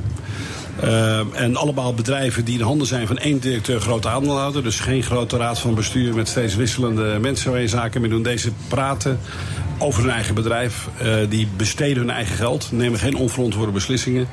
En willen gewoon graag Nederlands blijven. En ik Ja. vind, uh, moet het eerst maar eens op z'n oranjes oplossen. Maar je gaat het dan coördineren. Is, heb ik het dan goed opgeschreven? Of Nee, die zes bedrijven die hebben een, eh, een overeenkomst getekend. Een juridische overeenkomst waarin zij aangeven Nederlands te blijven. En eh, mocht er toch eh, iemand eh, een beursnotatie willen hebben of overgenomen worden uit het buitenland, dan moeten ze de aandelen aan de andere partners over, tenminste aanbieden. Ja. En nemen ze die niet over, dan worden alle gevoelige overheidsopdrachten moeten overgedragen worden naar een ander Nederlands bedrijf. En het unieke is dat de Nederlandse overheid dat nooit kon afdwingen. Nu biedt het bedrijfsleven dat zelf aan. Dat is eigenlijk het meest spectaculaire. En dit valt niet te kraken, want we hebben natuurlijk de laatste periode weer van dat soort dingen meegemaakt. Aanvallen op allerlei bewijzen. Dat, dit valt niet te kraken. Dit valt net zo te kraken als alle andere zaken. Voor 99,999%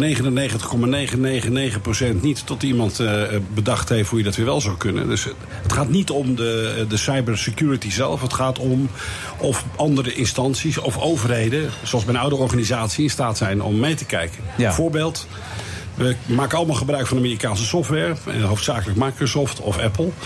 En op basis van de Patriot Act in de Verenigde Staten zijn bedrijven genoodzaakt achterdeurtjes open te laten om diensten te laten kijken. Nou ja, je kunt als Nederlandse overheid niet accepteren dat de kluiscode voor de kroonjuwelen eh, wordt weggezet in, een, eh, in een, een, een opslag waarbij iemand anders mogelijkerwijs kan meekijken. Dus als je dat Nederlandse bedrijven laat doen en je laat dat ook door de Nederlandse overheid controleren, Die dan heeft, heb je wel die klem op. Die heeft dan het, dat kleine deurtje waar ze in mag kijken dan, die overheid. Die hebben dat achterdeurtje natuurlijk niet. Nederland doet dat soort dingen niet. Nee. Zijn er nog veel kroonjuwelen?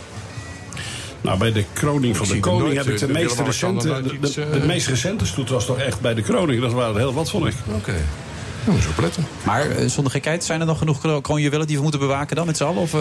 Ik vind dat de dingen die je heel belangrijk vindt in je leven... voor de een is dat een eh, navel van 5 centimeter diep... voor de Ja. ander een prik in de vinger of een... eh, of wat was een citroen, eh, eend had jij, dacht Ja, ik? bijvoorbeeld. ja. En gordroge wijn heb je ook, heb ik begrepen. Hè? Die heb ik niet, maar die bestaat Die wel. bestaat wel, Ja, nou, ja, oké. ja, Ja, die dingen die wil je graag voor jezelf houden. En je wil, net als dat je thuis, als je de boel op slot zet... wil je zekerheid hebben dat niet iedereen daar zomaar in kan. En met cyber is dat helaas voor een groot gedeelte nog steeds zo. Veel grotere bedreiging dan Korea, Trump, Erdogan. Is dat eh ja, onderschatten we dat te veel met z'n allen hier? nog? We, we denken, het valt allemaal wel mee. Is er wel eens misgegaan hier in Nederland? Nou ja, Dat het beste voorbeeld, mis. zeker. Eh, Bijvoorbeeld, je ziet daar haal ik in de krant eh, met de verkiezingen zouden gemanipuleerd zijn. Eh, de Tweede Kamer is eh, gekraakt. Gemeenten hebben er grote problemen mee. Ja, terwijl wij aan het discussiëren zijn over onze privacy. Dus heel vervelend is iemand toch in je eigen spullen meekijkt. Dus die dreiging is er altijd. En je moet je voorstellen, dat hebben we geleerd bij de millenniumwisseling... toen we dachten al die computers uit zouden vallen... zijn er grote zwartboeken gemaakt. Je moet je voorstellen dat er geen elektriciteit is. Als het een half uur uitvalt, hebben we elkaar maar vragen. Dan werkt er helemaal niks meer. Als sluizen op manieren opengaan die je niet wilt. Als sensoren, ook een vaak vergeten element. Een sensor die aangeeft hoe hoog de waterstand is. Ja. Is belangrijk voor een beslissing van een programma om een sluis eh, wel of niet open te zetten. Als je dat kan manipuleren, dan ontredig je een heel land. Dus waarom zou je iemand doodschieten? Als je je identiteit kan afnemen, zijn bankrekening leeg kan maken en elektriciteit uit kan doen. Dus ik vind dat dat een topprioriteit is. Maar is het bij de overheid dan niet een topprioriteit, vind jij? Zeker, maar die kunnen natuurlijk niet alles. We hebben een, eh, de DigiNotar-affaire gehad. Dat was een bedrijf wat omviel, een privaat bedrijf. En als dat omvalt, ja, dat had hele grote maatschappelijke gevolgen. En dan kon de overheid eigenlijk weinig gaan doen. Dus die wilde wetten daarvoor maken dat dat niet meer zou gebeuren. Maar dat verpest natuurlijk het ondernemingsklimaat. Als jij een bedrijf hebt wat iedereen interessant vindt... en tot de vitale infrastructuur behoort... denk aan energiebedrijven, ziekenhuizen, et cetera... Ja, dan uh, je zal er echt voor moeten zorgen dat dat uh, goed beveiligd is... en dat niemand daarin kan. Maar zo'n affaire ga je niet weer mee maken als het nu zo allemaal afgedekt wordt? Nee, als de overheid daar gebruik van maakt... en als er meerdere van dit soort Nederlandse consortia komen... hebben ze daar in ieder geval de hand achter. Ja. Dus ik heb al gehoord, ja, een nieuw kartel... Nee, de overheid kan één bedrijf daaraan nemen, of allemaal, of geen één. Alleen het risico wordt duidelijk gemitigeerd. Mooi woord trouwens. Ja, hè. Zal ik het nog een keer zeggen? Wat betekent? Gemitigeerd. Wat betekent dat dan? Dat betekent kleiner worden dan uh, dat het eerder was. En dat wist je ook, want toen je naartoe kwam altijd voor het. Van 10 naar 5 zei ik al aan het begin van de uitzending. Jij Ja. bent erover begonnen over die 5 centimeter. Oh ja, Slinken dat is dus waar, ja. Slinken, daar ben ik niet zo van. Nee, ik ben meer van het uitdijen. Mitigeren slink. Maar mitigeren. Dus je, je, je, Maar je vrouw het vindt risico het niet mitigeert. erg. Toch van het uitdijen? Mijn vrouw vindt dat heel vervelend. Ja? eh, Vindt u dat vervelend? Dat is niet mijn vrouw. Oh, is dat niet je vrouw? Nee, dat is niet mijn vrouw. Oh, ik dacht dat het je vrouw was. Nee, nee. Dat is niet je minnares ook. Nee, dus nu wordt het heel ingewikkeld. Inderdaad, als je, de details zouden we in de pauze bespreken. Ja, want dan is zou ik die voor jou krijgen. We hadden net het verhaal over getrouwd zijn en de minnares. Hadden we eerder in deze uitzending. Maar dat had je meegekregen, toch? Of niet? Nee, ik minnares, dat is zo'n tijd geleden. Dat Wa- was was zo dat? 2002, eh Wilfred. Ja, Klopt. 2002 is Ja, 15 kom op. jaar geleden, Pieter. Ik ben 40 jaar getrouwd. Weet je wat dat kost? Hoeveel geld dat kost? Dat ga je toch niet... Zo'n investering gooi je toch niet overboord? eh? Nee, voor je het weet wordt het gekraakt. Dan krijg je dat weer. Maar hoe staan we in Europa erop eh, als Nederland zijn op dat Nederland gebied? staat eh, Europees gezien eh, aan de top, vindt, vinden wij. Maar dat heeft meer met beleid te maken. We hebben fantastische beleidsvoorstellen, goede organisaties die opgericht worden. En er komt weer een nieuwe organisatie overheen. We hebben heel veel knappe mensen op de universiteit werken. Maar dit zijn bedrijven die gaan het nu gewoon doen. Ja. En als je iets doet, dan weet je ook of Hey, je welke rol ben jij er gaat. bij betrokken eigenlijk dan? Ik heb ze, toen ik de dienst uitging, heb ik altijd gevonden dat ik hier wat aan moest doen. Aan die cyberonveiligheid. Ja. En ik ben net zo lang blijven zoeken tot ik voldoende Nederlandse bedrijven en bevlogen eigenaren bij elkaar kon vinden. die de hele breedte van dat IT-veld konden bestrijken. Dus vanaf het doen van achterzoek, grondzoeken, achtergrondonderzoeken naar mensen. Eh, hun verleden. Denk je wil geen Snowden in je organisatie hebben. tot het maken van strategie voor grote bedrijven. waar IT in geïntegreerd is. En dit is eigenlijk pas een begin. Je wilt dat toch veel meer bedrijven in Nederland dit gaan doen op deze manier. We hebben gezegd dat het ook voor andere Nederlandse bedrijven eh, open staat. Niet al te veel overlap, want ja, men moet natuurlijk wel zijn brood ermee kunnen verdienen. Maar we willen de hele breedte zo goed mogelijk dichttimmeren. En dat kunnen we in Nederland. We zijn stik goed hier. Dus het komt, het komt helemaal goed. Die willen ons straks kunnen rustig gaan We slapen kunnen dit onderwerp gewoon van de agenda schrappen. Ja, die is nu klaar, ja? Vandaag in ieder geval. Oké, het is ook een beetje als reactie op America First... dat helemaal zichzelf wil gaan beschermen en afsluiten... gaan wij ons nu ook een beetje zullen afsluiten beschermen. We pakken ze gewoon terug. We pakken ze terug. Zo is het zijn er stevig geworden. Van Pieter Koblenz, voormalig baas van de militaire inlichtingdienst... en veiligheidsdienst natuurlijk ook. En vijf, nee, vijf centimeter laten we zitten. Pieter, bedankt. Goed dat je er was. Graag gedaan. En tot de volgende keer. Je moet een keer co-host worden, want dat wordt een topshow. Dat zeg je elke keer. Maar ja, maar ik, regel dat nou even. Mireille. Zet hem nou even als co-host in, man. Mireille wil niet. Dan weten we ook het woord dimiteren. Wat was het nou? Demiteren? Migiteren, kleiner maken, Wilfred. Kleiner maken. Mitigeren. Jongens, ik leer hier nog wat. Weten jullie trouwens wat epigoon gedrag is? Geen flauw idee. Nou, kijk, dan heb ik er eentje terug. Ja. Die moest ik ooit ook zelf opzoeken toen, we- toen ik naar een serie zat te kijken door de VPRO. En toen zei iemand, die vertoont epigoon gedrag. Ik waar gaat dit over? Maar het is navolgend gedrag, dat je een beetje iemand kopieert en zo. Weer Dus- navels. Vertrouwt niet op. eh. ja, tot zo, tot zo na de reclame. The Friday Move. Ik denk dat u doelt op de variant die bij ons thuis inmiddels wordt benoemd. Buma en de Zeven Dwergen. We need some global warming. Trump heeft een punt gemaakt. De bewindvoerders hebben zich niet gehouden aan hun taak. Wilfred Genee. Het is de dag dat de Amerikaanse bedrijfsleven enorm teleurgesteld is in het klimaatbesluit van Donald Trump. En tot half zeven is hij mijn co-host. Hij zit er nog steeds met Snor, een echte. En DJ Josie Goldfinger zit ernaast. Ilja Kort.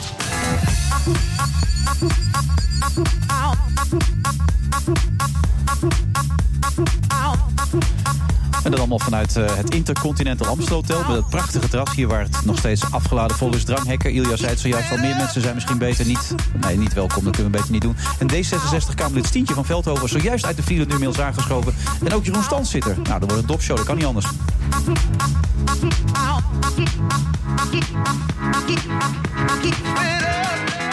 Wat stem je eigenlijk, Ilja? Ehm, ik stem op Jesse Klaver. Ja? Ja. Maar gaat dat lukken, denk jij? Ik hoop het. Ik vind dat een geweldige man. Hij, is- hij is mijn grote held. Waarom dan? Omdat hij naar mijn smaak oprecht is en met de juiste dingen bezig is. En politiek is natuurlijk hel. Het laatste wat je in de politiek moet zijn is oprecht. Maar hij doet, dat, en hij doet het heel goed, voor mijn gevoel. Nou, Stientje van Veldhoven, dus die kun je in je zak steken. Nou, misschien eh, is er nog wat te leren over de politiek. Eh, Ja. Ik denk dat je juist inderdaad, als je oprecht bent... als je voor kiezers echt duidelijk is waar je voor staat...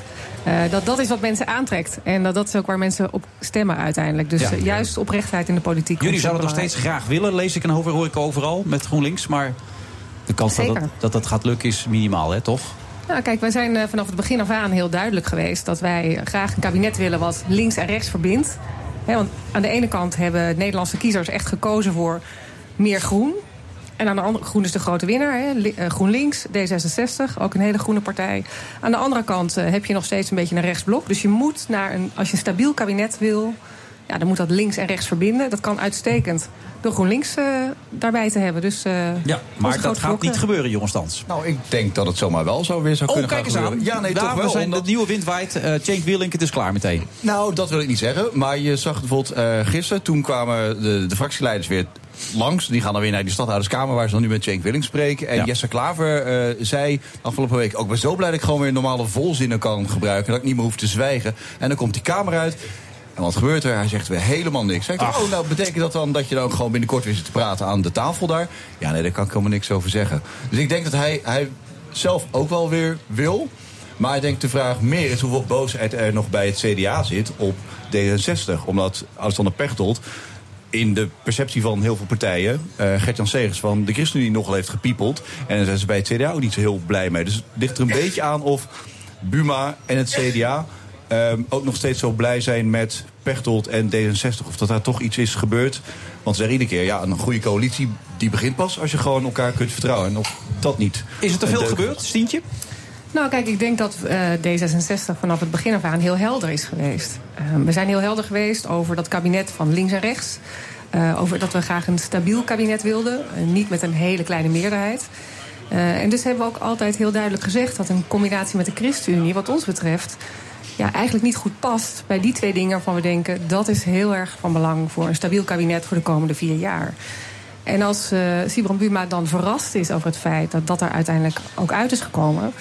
Nou, dat laat ik dan ook graag bij hem. Maar het is niet We op de verrassing eh, dat het eruit is gekomen. Met name de manier waarop. Daarover waren de VVD en met name ook het CDA heel boos. Omdat ze zeiden, je kunt niet eh Gert-Jan Segers over de tafel trekken... in een verkenningsgesprek en al die dingen voor zijn voeten werpen.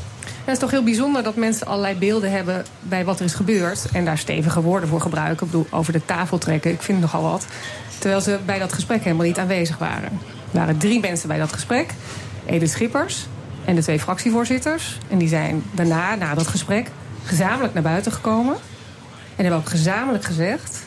wij zien dit niet lukken als basis voor een stabiel kabinet. Nee, maar Dat daarnaast nog dat meer niet- gezegd, dat ook door die dat- zelf... over wat er nou in die Kamer zelf is gebeurd en wat er is gezegd. En dat was iets meer dan dat het zo'n gezellige boel was.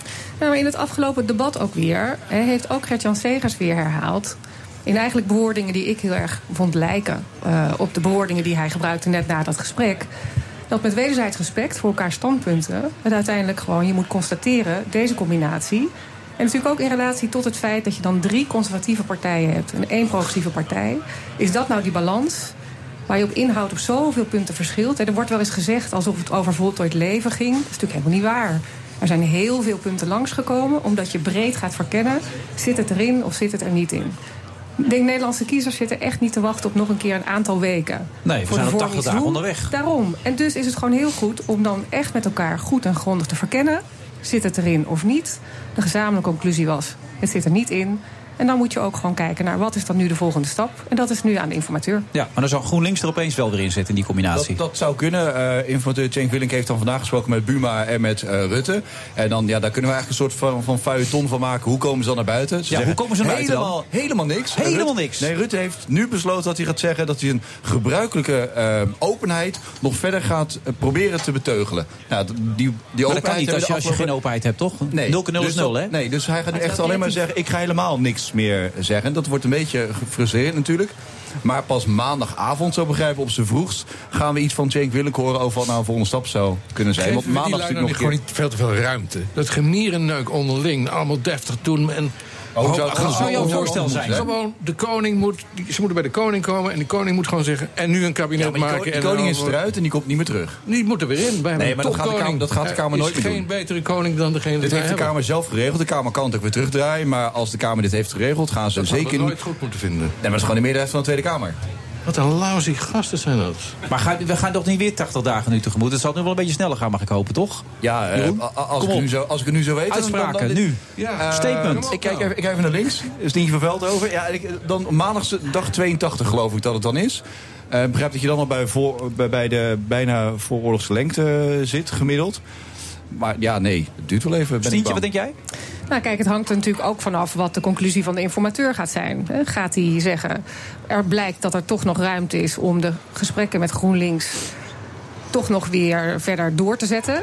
Dan heb je natuurlijk al wel best wel veel werk liggen, wat al gedaan is. Ja, moet je op zoek naar een hele nieuwe combinatie, dan moet je natuurlijk weer bij nul beginnen. Dus het zal ook echt afhangen van het advies van de informateur.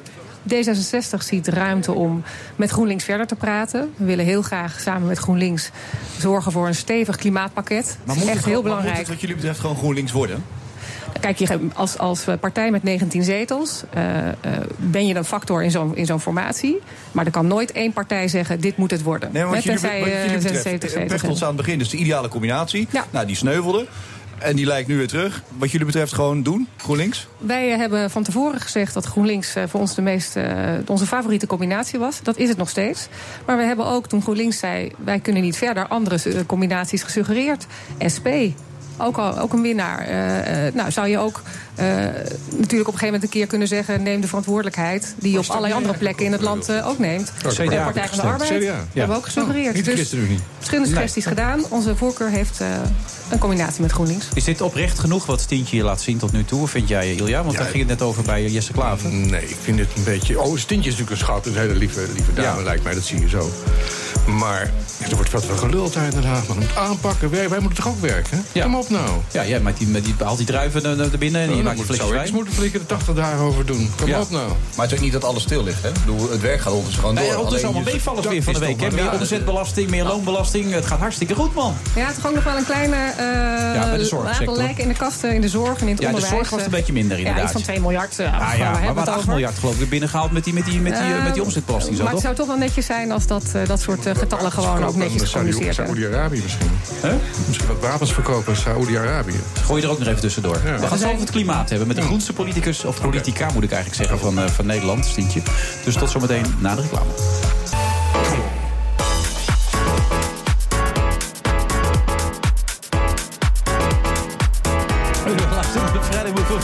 2 juni. Naast me zit nog steeds Ilja. God, ik zie dat je een boek hebt uitgebracht, Ilja. Leuk, man. Ja, dat heet uh, Vulkaan. Dat oh is ja. net nieuw. De burgemeester van een dromerig Frans dorpje grijpt de kans van zijn leven. Ja, het is een ontzettend leuk boek. Ja. Ja, is het een goed boek? Ja, het is echt fantastisch. Er lag ook. De eerste druk was meteen al uitverkocht. Hoeveel eh, boeken waren dat dan? 5000. 5000? Ja. Echt waar? de tweede druk al wat jij daar in je hand hebt. Nou ja, en dat bij Slur Publishers. Ongelooflijk. Die doen het goed, hartstikke goed. We gaan het even over het klimaat hebben. Want volgens sommige mensen, zoals bijvoorbeeld Harry Mens... die een aantal weken geleden mijn co-host die was... hoeven we ons geen enkele zorgen te maken. Gletsjers zullen weer aangroeien.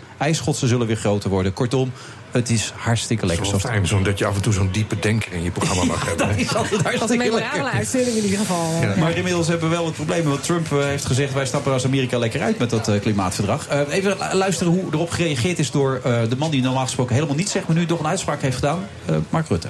betreur dat besluit enorm. Eh, het is heel slecht voor de hele wereld. Amerika is de veruit de grootste economie. eh, heeft een belangrijke rol te spelen in de uitvoering van de afspraken van Parijs. Eh, dus het is slecht nieuws eh, voor Amerika, eh, voor de hele wereld, maar ook voor de economie. Omdat ik ervan overtuigd ben dat je deze problemen kunt oplossen en tegelijkertijd daar extra economische groei mee kunt veroorzaken. Nou, ik hoop niet dat hij hier problemen mee krijgt Nou ja, ik vind het heel, heel goed dat hij dat zegt, Mark Rutte. Hij zegt het ook goed. Maar het tegendeel is waar. Oh. Want hoe mal dat misschien ook klinkt... Trump is een zegen voor de wereld. Echt waar? Ja, absoluut. Vertel, je hebt nog niet aan je wijn gezeten. Je Nee, gaat nu nee, gewoon serieus. eh. Nee, maar dit is echt waar. Maar dat is een zegen. Waarom? Omdat door die krankzinnige beslissingen die die man neemt... Ja. wordt, komt die NAVO weer bij elkaar. Europa wordt naar elkaar toegedreven. Eh, eh, China neemt zijn, zijn, zijn verantwoordelijkheid. Ja, die springen in het gat inderdaad. Die springen ook in het gat. Ja. Het is echt een heel, heel goed nieuws, die Nou, man. Stientje van Veldhoven en natuurlijk inmiddels ook aangeschoven Bernard Hammelburg. Eh, het is hartstikke lekker allemaal dit, toch? Als ik dit zo hoor. Nou, ik zou een, een zegen voor de wereld zou ik eh, misschien wat sterk vinden. Maar het is wel mooi om die effecten te zien. Eh, nu Trump Amerika eigenlijk een beetje van het wereldtoneel haalt.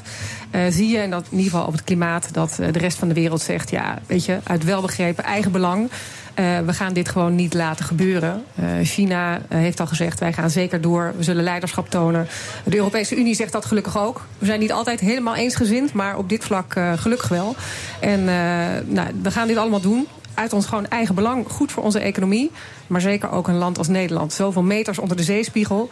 Kun je toch niet voorstellen dat we wat anders zouden doen. Niks aan de hand, Bernard. Ehm, Lekker man. Jawel, er is wel wat aan de hand. Oh, toch wel, Ik ben het overigens met Ilja eens hoor. Ik denk dat... eh, dat, Dat, dat hij een zege is? Ja. Dat, Hey, jij- jij kan alles over Trump zeggen, want van de week Vincent Bijlo heeft ge- heeft over jou geroepen, jij bent Er een- ontstaat iets van ge- gezamenlijke Oh, vijand niet voor het gevoel van heel veel mensen. En afval politiek. En eh, dat, dat, dat jaagt mensen naar elkaar toe. Dus ik, ik vind dat een leuke redenering. Ik ben het er eigenlijk helemaal mee eens. Ehm, Maar er is wel wat aan de hand. Is, er, er is wel, er is wel wat aan de hand. En het is, Rutte heeft gewoon gelijk. Iedereen die Nou, zegt... heeft Rutte weer... Nee, nee, ik heb net gehoord dat Rutte geen nee, gelijk maar had. Maar het- de mensen die... die ja, Ilja heeft gelijk dat, dat eh, eh, Trump de mensen elkaar, elkaar in de armen drijft. En, en Rutte heeft gelijk die zegt dat het echt heel eh, triest is. Alleen je moet het wel een beetje in proportie zien omdat Trump kan wel roepen, wij stappen uit dat verdrag. En dat heeft consequenties. Dat is waar. Maar in Amerika is het zo dat de staten gaan over het milieu. Daarom. Dus in, ik woon in New York. Daar rijden 16.000 yellow cabs. Die zijn inmiddels allemaal hybride. Daar, daar heeft niemand, dat hebben ze gewoon zelf geregeld. De bussen zijn allemaal hybride. In Los Angeles zijn alle bussen rijden op ethanol of methanol. Dat weet ik nooit precies. Al jaren. Ja. Dus die zijn hun tijd ver vooruit. Er werken zes- 56, 57.000 mensen in de, in de kolenmijnen. In heel Amerika. Er werken inmiddels 2,6 miljoen mensen in hernieuwbare energie. Dus dat Meer dan in creëert. de hele olie- en gassector in Amerika bij elkaar. Dat, creëert, creëert, precies. Dat creëert gigantisch veel banen, veel meer geld. En gouverneur Brown van Californië heeft nu ook al meteen gezegd: hij roept maar, die Trump. Ja, wij wij gaan gaan, gewoon wij lekker gaan door. echt gewoon hier in Californië onze eigen gang. En wij doen onze bijdrage wel in die doelstellingen. En sterker, wat we eraan toe kunnen voegen, we proberen nog meer dan die doelstelling te halen. En dat gebeurt in New York, dat gebeurt zelfs in Pennsylvania. Hij zei: eh, ik ben er voor Pittsburgh en niet voor Parijs, hè? dat was zijn verklaring. En nu las ik net op AP een heel leuk verhaal over allerlei reacties uit Pittsburgh. Van mensen die zeggen, nou maar wij zijn het niet met hem eens hoor. Oké. Hij gaat echt de verkeerde kant uit. Dus... eh, Maar doet hij het alleen maar, Stientje, om zijn belofte in te lossen? Is dat de enige reden waarom hij het doet? Ik denk dat eh, Trump inderdaad naarstig op zoek is naar een verkiezingsbelofte om in te lossen. Ja, die niet Eh, allemaal hij lukken. zou natuurlijk de, Mexicanen de wall laten betalen. En hij zou dat zorgplan van Obama wel even afschaffen. Eh, hij zou wel even die migranten gaan tegenhouden. Dat lukt natuurlijk allemaal niet. Dus ik denk dat hij naarstig op zoek was naar een verkiezingsbelofte die, waarvan hij dacht, die kan ik met één pennenstreek wel even waarmaken. Maar dat gaat hem toch nog wel een jaar of vier kosten voordat Amerika echt zich terug kan trekken. Er zijn allerlei procedures die je moet eh, doorlopen natuurlijk. Eh, dus ik denk echt dat hij eh, vooral een signaal heeft willen geven. En inderdaad, het stukje over Pittsburgh, ik had het ook gelezen. Prachtig dat zelfs de mensen waarvan hij zegt, ik doe het voor jullie, eigenlijk zeggen, ja maar... Luister, wij geven om onze kinderen, om onze kleinkinderen. We willen dat die ook nog een toekomst hebben. En daar hebben we een heel stevig internationaal klimaatbeleid voor nodig. Even wel één ding van de andere kant. Een staat als, Wyoming of Ohio of, of, of eh, West Virginia of Kentucky... die leven echt van de kolenmijnen. Ja. Daar zijn er een heleboel gesloten. Niet door de, dat de regering dat kan doen, dat beslu- besluiten de staten zelf. Maar wel omdat Obama een federale belasting had ingevoerd op het gebruik van steenkool. En dan, dwing, je, dan dwing je bedrijven dus toch om eh, het toneel te verlaten. Als je in Kentucky woont en er is geen andere bron van inkomsten... en de president doet zoiets... en je denkt, goh, dat zou bij ons wel eens 300 banen kunnen opleveren... spring je een gat in de lucht. Ja, met dus je moet, 300. je moet ook in micro-opzicht... Dat moet je niet onderschatten. Maar gaat het Dus- nog wat opleveren, die steenkool dan en zo? Ik bedoel, Nee, dat, dat, kan niemand iets schelen in dit geval. Ja, maar- Hij praat hier tegen de mensen aan wie hij die belofte heeft gedaan. En die hem, ondanks alles wat er gebeurt, nog steeds echt trouw zijn. En dat Dus, zie je inderdaad, hè? Dat, dat, en dat, hoor je. dus ja. ook. Dus, dus Maar, het is, maar ik denk wel, ik ben heel benieuwd, Bernard, hoe jij dat, hoe jij dat ziet. Eh, als je in Amerika ziet, dan zie je dat eigenlijk eh, die hele schaliegasrevolutie... daar dus ontzettend veel banen en heel veel welvaart heeft gecreëerd. Maar ja, dat schaliegas komt wel in, wordt wel gebruikt in plaats van kolen. Dus aan de ene kant zijn er winnaars, want die kunnen nu schaliegas oppompen. En aan de andere kant zijn er de verliezers in de kolenmijnen. En Trump kan doen wat hij wil, maar daarmee wordt ko- worden kolen niet meer goedkoper dan schaliegas. Nee. En ik denk dat dus die mensen die hij al deze beloftes doet van we gaan kolen weer groot maken, echt bedrogen uit gaan komen. Ja, want je creëert een, een, een, een, eh, als het ware, als je teruggaat naar steenkool, wordt het duurder. Absoluut. Duur, Gewoon wat duurder. En er zit nog een andere kant aan. Die, die banen die die alternatieven of die nieuwe vormen van energie creëren, die zijn veel breder. Daar heb je gewoon ambachtslui voor nodig. Daar heb je monteurs voor nodig, daar heb je knutselaars voor nodig. Maar ook high-tech, hoog, hoog, zeer goed opgeleide mensen. Dus het spectrum van eh, werkgelegenheid dat je biedt door daar juist achter te gaan staan, is veel groter dan die tamelijk bescheiden groep van mijnwerkers. Dus het is eh, strategisch niet handig, maar het is politiek toch begrijpelijk. Het is trouw aan de mensen die hem in het zadel hebben geholpen. Want dat waren diezelfde mensen uit Kentucky en West Virginia en Pennsylvania en Michigan. Ja, dat ben ik met je eens. Maar tegelijkertijd slaat het nergens op. Dat zal hij toch zelf ook wel zien. Ik bedoel, hij zal thuis ook wel eens in het Witte Huis zitten. Alhoewel, dan gaat hij van die rare woorden Nee, eh, dit, is een, samenstellen. dit was een complot van China. En het laatste was dat het een, eh, een complot was. Eigenlijk, als je zijn speech eh, gisteren goed hoorde... was het eigenlijk een complot van de rest van de wereld... om Amerika economisch klein te houden. Jawel. dat was Ja, eigenlijk de enige reden volgens Maar Trump... dat, we met dit klimaatakkoord Maar ook daar, eh, ook daar, ook daar is hij, staat hij niet alleen in. Dat was ook de grote discussie in Amerika voordat Obama tekende. Omdat in, in dat Parijse verdrag heel kort door de bocht staat... dat de, dat de grootste producenten van CO2, de rijkste economieën, hoe je het maar wil noemen, dat is hetzelfde. Die moeten ook het meest dokken. Ja. Eh, en Amerika moet dus, het kost Amerika heel veel geld. Dat, en hij zegt, ja, dat, dat ga ik mijn belastingbetaler niet aandoen, ze kunnen maar wat. Dus ook dat, letterlijk genomen, is waar. Ja, maar toch is het, oh, dat geldt... Dat hij, dat, hij, dat hij die vier jaar uit gaat zitten, die, die malle man. Ja, daar hebben we het wel vaker over. Ik denk van Zou wel. niet impeached worden? Dat zou kunnen, maar er is maar één. Dat kan maar op één manier. Dan moet hij een, misdrijf, een aantoonbare misdrijf hebben gepleegd. Nou, er is nu een onderzoek, maar er is, dat is een onderzoek. Dus hij wordt niet eens verdacht. Hij wordt alleen maar. Eh, bekeken. pussy grabbing. Nee, ja, dat, Pussy grabbing gaat niet gebeuren.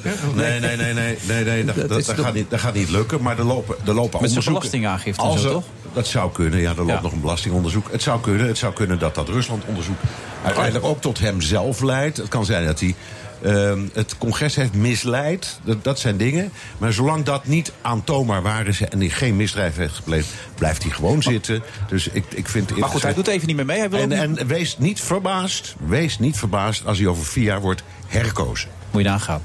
dat is van tijd leven dat met gaat echt allen. niet gebeuren. Nou, ja, jij zegt het, maar Bernard weet er alles van, hoor. Ja, we zullen zien over twee jaar natuurlijk wat eh, de Democraten gaan doen eh, in, het, eh, De tussentijdse. in de tussentijdse verkiezingen. Maar hij wil ook geen geld meer steken in het Green Climate Fund, heb ik begrepen. Wat, wat, wat gevolgen heeft dat, dat dan? Nou ja, dat is precies inderdaad het punt wat Bernard net noemt. Eh, dat is een hele grote pot met geld die ervoor moet zorgen dat al die landen in de wereld, ik denk aan China, India, maar ook heel veel landen in Afrika, waar nog heel veel mensen bij komen. Die mensen willen allemaal een dak boven hun hoofd, die willen lampen, die willen enige vorm van vervoer. Eh, al die mensen gaan dus heel veel meer energie en grondstoffen gebruiken en gaan dus gewoon gigantisch groeien. En het doel van dat Green Climate Fund is nou om die landen te helpen om die groei in ieder geval schoon door te maken. Dus geen kolencentrales bijbouwen, maar windmolens. Ja. En daarom is eigenlijk, als hij dat geld terugtrekt uit het Green- Climate Fund, dat is niet allemaal giften. hè. Dat kan ook financiering zijn. Dat kan ook eh, gekoppeld zijn aan, eh, aan investeringen in die landen. Kan ook nog wat terug dus ik, dus ik weet helemaal niet of hij daarmee de Amerikaanse economie niet eh, nou zo gunst doet. Het kan ook zijn dat hij die ontzettend op achterstand zet. Waar het gaat om een gigantisch groeiende wereldmarkt. Ja, en maar ik dat zou voor Nederland graag willen dat we die kansen pakken. Hij zegt, hij zet de economie gewoon een beetje op achterstand. En tegelijkertijd... maar hij zegt ook tegen zijn eigen kiezer... eh, ik zie niet in, niets in eh, ontwikkelingssamenwerking. Eh, het gaat America first. Ja. Ons belastinggeld gaat niet in een of ander VN-potje... wat dan weer wordt gebruikt om in Kenia of in Zimbabwe... iets van eh, een fatsoenlijke samenleving te creëren. Dat doen we even niet. Het geld gaat naar Pittsburgh. Ja. Dat is zijn stelling. En nogmaals, je kunt ervan vinden Ja, wat je nee, wil. je Het is in. waarschijnlijk, als je het uitrekent en doorrekent... ook allemaal onzin. Ja. Maar hij het doet is- wel, hij komt zijn Het is wel consequent en hij doet wat hij heeft beloofd. En Stientje, jij maakt je geen zorgen over de ontwikkelingen. Gelet op het feit dat al die partijen gewoon zelf wel doorgaan. Nou, Of- ik maak me wel zorgen, want ik vind het een slecht signaal. Ik vind het absoluut een slecht signaal. Het was veel beter geweest als ook Amerika had gezegd... eh, ja, we hebben daar een aantal gedachten bij, maar dit is, eh, we gaan extra kracht daarachter zetten. Want het Parijsakkoord is namelijk nog niet voldoende. De Nee. afspraken die daar lagen waren niet voldoende. Er Nee. moet meer gebeuren als we die opwarming echt eh, voldoende willen tegengaan. Ja, en die stap naar het aanscherpen, daar zal Amerika in ieder geval niet in meedoen. En dan is dus de vraag, hoeveel moeten de andere landen dan extra gaan doen? Dus dat wordt iets lastiger. Ja, maar We gaan keihard door met z'n allen. Dat We is gaan wel een zeker feit. keihard door, ja. En, en Bernard ook natuurlijk, toch Bernard? Hè? Ja. Zelfsprekend. Ja. Oké, Stientje bedankt. Bernard ook. Jij blijft nog even zitten, Ilja. hè? Ja. Trek je geen wijntje open? eigenlijk? Wil je geen wijntje? Nou, ik zou best een wijntje willen, ja. Ja? Bij deze ook koud staan, of niet? Nee? Een glaasje Maar witte wijn. zullen toch wel een wijntje hebben? Ja, speciaal voor Ilja. Pas op met die neus dan, hè? Steven Ja, testen en dan zeker, ja. 5 miljoen, zeg. Ongelooflijk voor zo'n neus. We gaan zo verder naar de reclame. Tot zo. The Friday Move. Er zijn maar heel weinig eh, mogelijkheden. Als de gebruiker in de ochtend op willen staan. Er is er eentje echt uitvoerig bekeken. Opgezwollen water, tomaten. doe ik ook graag, maar niet als informateur. Ik vind het een goede keuze. Dat is prima. Fantastisch. Wilfred Genee. Van student natuurwetenschappen naar Hollywood filmregisseur. Het overkwam de 32-jarige Tim Smit.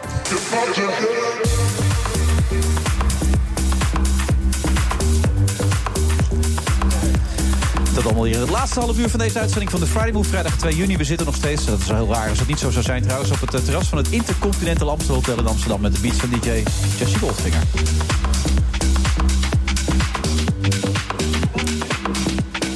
Ja, zeker. Echt, En dan met de duurste neus van de, Nederland, eh, van de, van de wereld waarschijnlijk. Van de wereld, ja, ja. ja, je hebt de duurste neus van de wereld. Absoluut, ja hoor. 5 miljoen. 5 miljoen, ja. En je mag niet meer kickboksen, want dat deed je veel, hè? Ja, Je was een kickbokser, hè? Ik was een kickbokser. Ik zag je ook binnenkomen en denk, hé, hey, dat is een kickbokser. Uitkijken, Ja, dat dacht ik meteen. Hey, ik heb een verzoek. Ja? Zou ik, eh, want ik ben tenslotte je co-host... Ja? zou ik Tim mogen introduceren? Absoluut, doe je alles maar. Ik mijn mond nu. Oké. Nou, hier naast mij zit eh, Tim. En Tim die heeft, toen hij klein was, een jaar of zeven geleden... heeft hij op zijn zolderkamertje, gewoon met een cameraatje... heeft hij een filmpje gemaakt. Gewoon zomaar, zelf. Ja. Een GoPro'tje met een vriendje samen in elkaar geknutseld. En dat filmpje, het is viral gegaan. Dat heeft 2 miljoen, heb ik het goed? 2 miljoen? Ja, Meer nog? 2,5 miljoen. 2,5 miljoen views op YouTube. Dus dat is een smash hit geworden. Aan de hand daarvan, door dat resultaat, is Tim uitgenodigd door Hollywood. Die hebben gezegd: Tim, jongen, jij bent een magic guy, je bent een wonder guy. Jij mag van ons, je krijgt van ons een zak met vele miljoenen. Jij maakt dat filmpje wat je daar in je kamertje hebt gefriekt. Ga je nu in het echt maken. En Tim is naar Hollywood gegaan. Die heeft gesproken en die heeft dat hele. Nou ja, hier zit hij dus. Dames en heren, een warm applaus voor Tim! Een hele mooie introductie was dit. Hoe deed ik dat? Hoe deed ik dat? Uitstekend. Ja, ik wist het allemaal al, maar ik vond het wel leuk om te horen, Ja, zoals jij het goed, vertelde. ja. Lekker- kek. Kon jij er wat mee, Tim? Ja, dat was een hele eer, moet ik zeggen. Ja? Heel goed. Heel Ja. mooi samengevat. En toen heb je acht jaar erover gedaan om het filmpje te maken. Nou, Nou, dat- de film. Ja, dat is, het is acht jaar geleden dat het begonnen is. Maar eh, de, de productie begon eigenlijk in 2014 pas. Het Oh. heeft een hele lange tijd geduurd voordat we echt groen licht kregen. Ja. Zoals het gaat. Dat was alleen maar praten over budget eh, en, en Ja, maar ook de film die ik wilde maken was best conceptueel nieuw. In de zin van je kijkt dan vanuit de ogen van een hoofdrolspeler als een soort van videogame. Ja. Dat was al best wel een, een lastig concept om te verkopen. Ja, je ondanks dat het op leuk YouTube moeten kijken, mensen, naar het filmpje. Eh, het is out of the box. Of, What's in a box. What's in a box. Maar je kijkt op YouTube. Het is heel raar. Hoe heb je dat gedaan? Want je ziet twee handen die dan dingen doen, maar Ja. de camera zie je niet. Waar zit die camera dan? Ja, die camera zit eigenlijk grotendeels op mijn hoofd. Dus ik had een uh, skatehelm, had ik met een heel slim systeem, eigenlijk heel simpel zelfs, gewoon een camera opgeplakt met een spiegeltje, zodat ik kon zien. Nee, nee, nee. Toen de tijd was het nog echt, een, echt zo'n tapecameraatje wel. Oké. Ja, echt best wel houten touwtje eigenlijk. Maar eh, het werkte. En ehm, voor sommige scènes had ik een, eh, een vriend nodig die ik dan gebruikte als handen. En dan ging ik filmen over zijn schouders. En ja, zo simpel als het klinkt was het ook eigenlijk om te doen. De complexiteit zat hem vooral in die nabewerking Ja, en er die, en effecten in het film. Ja. Ja. Maar nu is een kill switch en die is een beetje moeilijker geworden, neem ik aan, toch? Dat was een stuk moeilijker dan, eh, ja. dan ik ook had verwacht. Dat was Ja. echt een uitdaging, heel ambitieus. Ja, ik zag je gisteren eh, het laatste stukje bij Umberto zitten. Het, het heeft je heel veel gedaan, hè? Ik merkte ook Ja. dat er een bepaald soort emotie loskwam gisteravond. Ja, ja, dat heb je goed gezien. Nou ja, weet je, voor mij is het een hele lange rit geweest. Met heel veel ups en heel veel downs. Ook in mijn persoonlijk leven. Dit is zo'n intens project. En het is gewoon mijn filmacademie eigenlijk. Hè. Ik heb heel veel geleerd tijdens de voorbereiding en ook tijdens het maken van deze film. Ja. En in één keer, dan is het klaar. En dan toon je het aan mensen. En dan het is echt alsof je naakt loopt. Hè. Mensen zien in één keer je ziel. Het is, het is echt een extensie van wie jij bent. En toen gisteren merkte ik gewoon dat gevoel van... ah, het was van opluchting. Dat, ja, dat raakt je dan. Dat voelt dan eh, best wel... Ja, dan voel je, je was gewoon, gewoon, zeg ik dan, maar natuurkundestudent. Dat, dat, dat was je eigenlijk gewoon op dat moment. Toen je natuurwetenschappenstudent, Ja. exact. Ja, ja dat, was, dit was wat ik dan erbij deed in mijn hobbyuurtjes. En opeens ben je filmregisseur. Ja, ja dat, dat, die stap is wel, eh, was even slikken hoor. Zo, er komt veel bij kijken. Op wat voor manier Ja. heb je voordeel gehad van die studie tijdens het maken van die film? Ja, dat is een goede. Ja, ik, ik denk dat het eh, voordeel is, is eigenlijk nou ja, ik heb eigenlijk twee dingen daar, daaruit geleerd. Eén is de wiskunde en het leren van hoe kan ik een wereld beschrijven met, met formules. Dat is wat je eigenlijk in de natuurwetenschappen doet. Hè. Je probeert de wereld te beschrijven. In film, in ieder geval in de visual effects die ik toevoeg, doe je het tegenovergestelde. Je creëert een wereld met hè, de formules die we in het echt leren. Dus je probeert iets na te bouwen in een soort van digitale versie van de werkelijkheid. Dus dat, dat helpt wel als je die, die natuurkundige kennis hebt. Maar wat ook erg geholpen heeft is... je leert een bepaald probleemoplossend vermogen ontwikkelen. Ja, ja, ja. En dat is wat je bij de beta-vakken sowieso al hebt. Dus ik denk dat dat geeft je wel als voordeel... eh, dat je misschien wat, ja, wat sneller kan schakelen hier en daar als het echt nodig is. Maar dan heb je het over hoogte- en dieptepunten. Maar heb je het nou als aangenaam ervaren, deze periode? Mm, ja, tuurlijk, uiteraard. Dit is voor mij een hele unieke kans geweest. Ik heb het echt, als ik zo terugkijk, ben ik er heel blij mee. En er zijn momenten geweest dat ik dacht van, oh, oké, misschien had ik dat toch anders moeten doen. Maar ik heb nergens spijt van. Het is echt een hele, hele fijne, nou ja... Maar je hebt wel eens gezegd, ik heb te vroeg gepiekt, toch? Dat Ja. vond je wel een beetje. Ja, maar dat kwam omdat ik wilde zoveel doen in zo'n korte tijd. En toen kreeg ik in één keer deze kans. En toen besefte ik van ja, maar ik heb nooit met acteurs gewerkt. Ik heb eigenlijk nooit echt een verhaal verteld.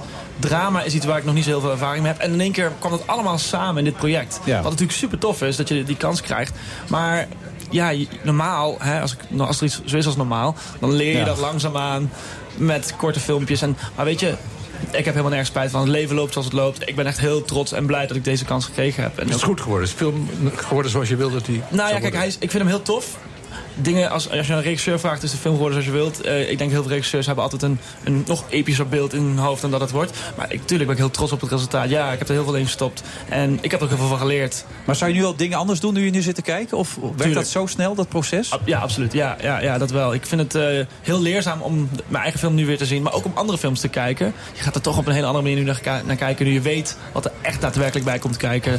En vroeger was ik snel geneigd om te zeggen van... Oh, ja, dat kan ik ook wel. Of de, maar een film maken is zoveel meer moeilijker dan je denkt. En dat is, ik vind het daardoor ook juist nog leuker eigenlijk geworden. En hoe hebben de partijen die je uiteindelijk benaderd hebben erop gereageerd? Wat vonden die ervan? Ja, die vonden het heel knap wat met het budget wat we gekregen hebben, wat het geworden is. was nog een paar miljoen, toch? Begreep ik. Nee, nee, het was net onder de miljoen toen we begonnen. Dus het is eigenlijk, eh, ja, het is, het is veel geld, maar het is voor een Ja, voor een Amerikaans film, budget. ja. Dat is helemaal niks. Nee, dat is Nee. inderdaad... eh, Ik maakte al- er net een liedertje voor. Ja, ja, sommige acteurs verdienen dat per dag. Kijk, en dat is natuurlijk niet te vergelijken met deze film. Maar het is, zij wilden kijken wat kan die dan met dit bedrag. En daar zijn ze zeker tevreden mee. Dat lijkt Maar, ook, maar het is wel, weet je, het is een, ja, en de film die ik gemaakt heb. Je moet, het is echt een hele, eh, het is een ode aan de videogame ook een beetje. Hè? Dus het is heel erg dat wat je zei, al- wat je zelf al aangaf. Het is vanuit de ogen van de hoofdrolspeler. Nou, dat, dat moet je dan liggen. Maar ik vind, het, ik ben, ik vind dat heel tof. Veel benaderd door videogamemakers die, die in jou een gouden kip met gouden eieren zien. Nou, ik heb wel eh, gesproken met videogame developers. Ja, van wat, wat wil je meer gaan doen? Wil je naar een virtual reality filmervaring gaan in, jou- in de toekomst van jouw project? Of wil jij spellen gaan maken? Ja. En ehm, het antwoord is toch dat ik, ik sta voor alles open. Maar ik denk dat voor mij is film, die passieve ervaring van een verhaal... dat is waar ik persoonlijk heel erg eh, enthousiast van word. Minder zo dan een actieve ervaring met een game. Spelletjes verdien je meer geld. Misschien, maar het is waar je hart ligt. Ja? Waar ligt je hart dan? Toch bij film. Ja? En geld verdienen is een bijzaak. Dat komt Ja, wel op het moment dat je iets doet wat goed gaat. Ja, tuurlijk, tuurlijk, absoluut. Ik zat hier echt niet om geld te verdienen. Had ik, wel, had ik, ik had veel beter, eh, ik had hier veel meer uit kunnen halen als ik dat echt had gewild. Maar ik, dit ging echt voor dit project. Ik ging Ja. echt voor. Maar je hebt maar 18 draaidagen, begreep ik toch? Ja, dat is echt weinig. Ja, Ja, dat lijkt me heel weinig gedaan. Maar ben je nooit in paniek geraakt daardoor dan? Nee, ja, nee, zeker niet. Als je gaat panieken op de set of zo, dan, eh, dan kun je beter maar stoppen. Dat is sowieso niet mogelijk. Maar wat, wel wat ik wel merkte is... Die, kijk, die 18 draaidagen waren heel erg krap. Ik, ik ging erin met het idee van... oh, op de set kun je gewoon nog best wel veel creatieve dingen doen. Dat was niet zo. Je hebt dan echt... 90% is gewoon een race tegen de klok. Ja. Dan heb je misschien nog 10% vrijheid. Maar dat is dus veel minder dan dat ik dacht. Maar wat ik wel geleerd heb, is dat je... we hadden meer... Kijk, ik heb heel weinig ruimte gehad van tevoren om echt te repeteren met acteurs. Puur omdat het budget dat ook niet echt toestond om hè, wekenlang acteurs hier al van tevoren heen te halen. Ja. Dat zou ik de volgende keer wel willen doen. Ik denk dat dat wel Dan heel heb je dus meer budget nodig. Maar je hebt nu je visitekaartje afgegeven. Dus ik mag aannemen dat dat nu gaat gebeuren. Ja, ik heb zoveel ideeën nog. Dat hoop ik ook. Ja, ja, Ja. zeker. Ja. Maar je bent ook overspannen geweest, begreep ik. Ja, ja, er is een punt geweest waarop ik op een gegeven moment merkte van... Ik heb zoveel hooi op me voorgenomen. Het is bijna niet meer te tillen, joh. En dat kwam pas eigenlijk... Achteraf kan ik dat pas zeggen. Dat is heel raar eigenlijk. Dan zit je erin en dan besef je dat niet. Ik was op een gegeven moment op zo'n punt beland waarbij ik dacht... Het, het gaat niet meer zo snel als ik normaal zou werken. Dus Ja. ik ging dan nog harder pushen... om toch dat eh, iets af te krijgen. En dan... Ja.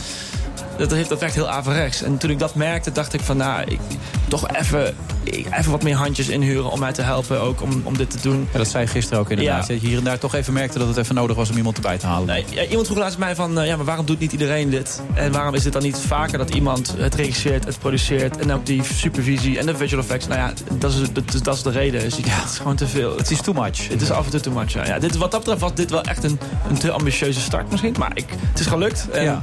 Ben heel trots. En nu stort je in.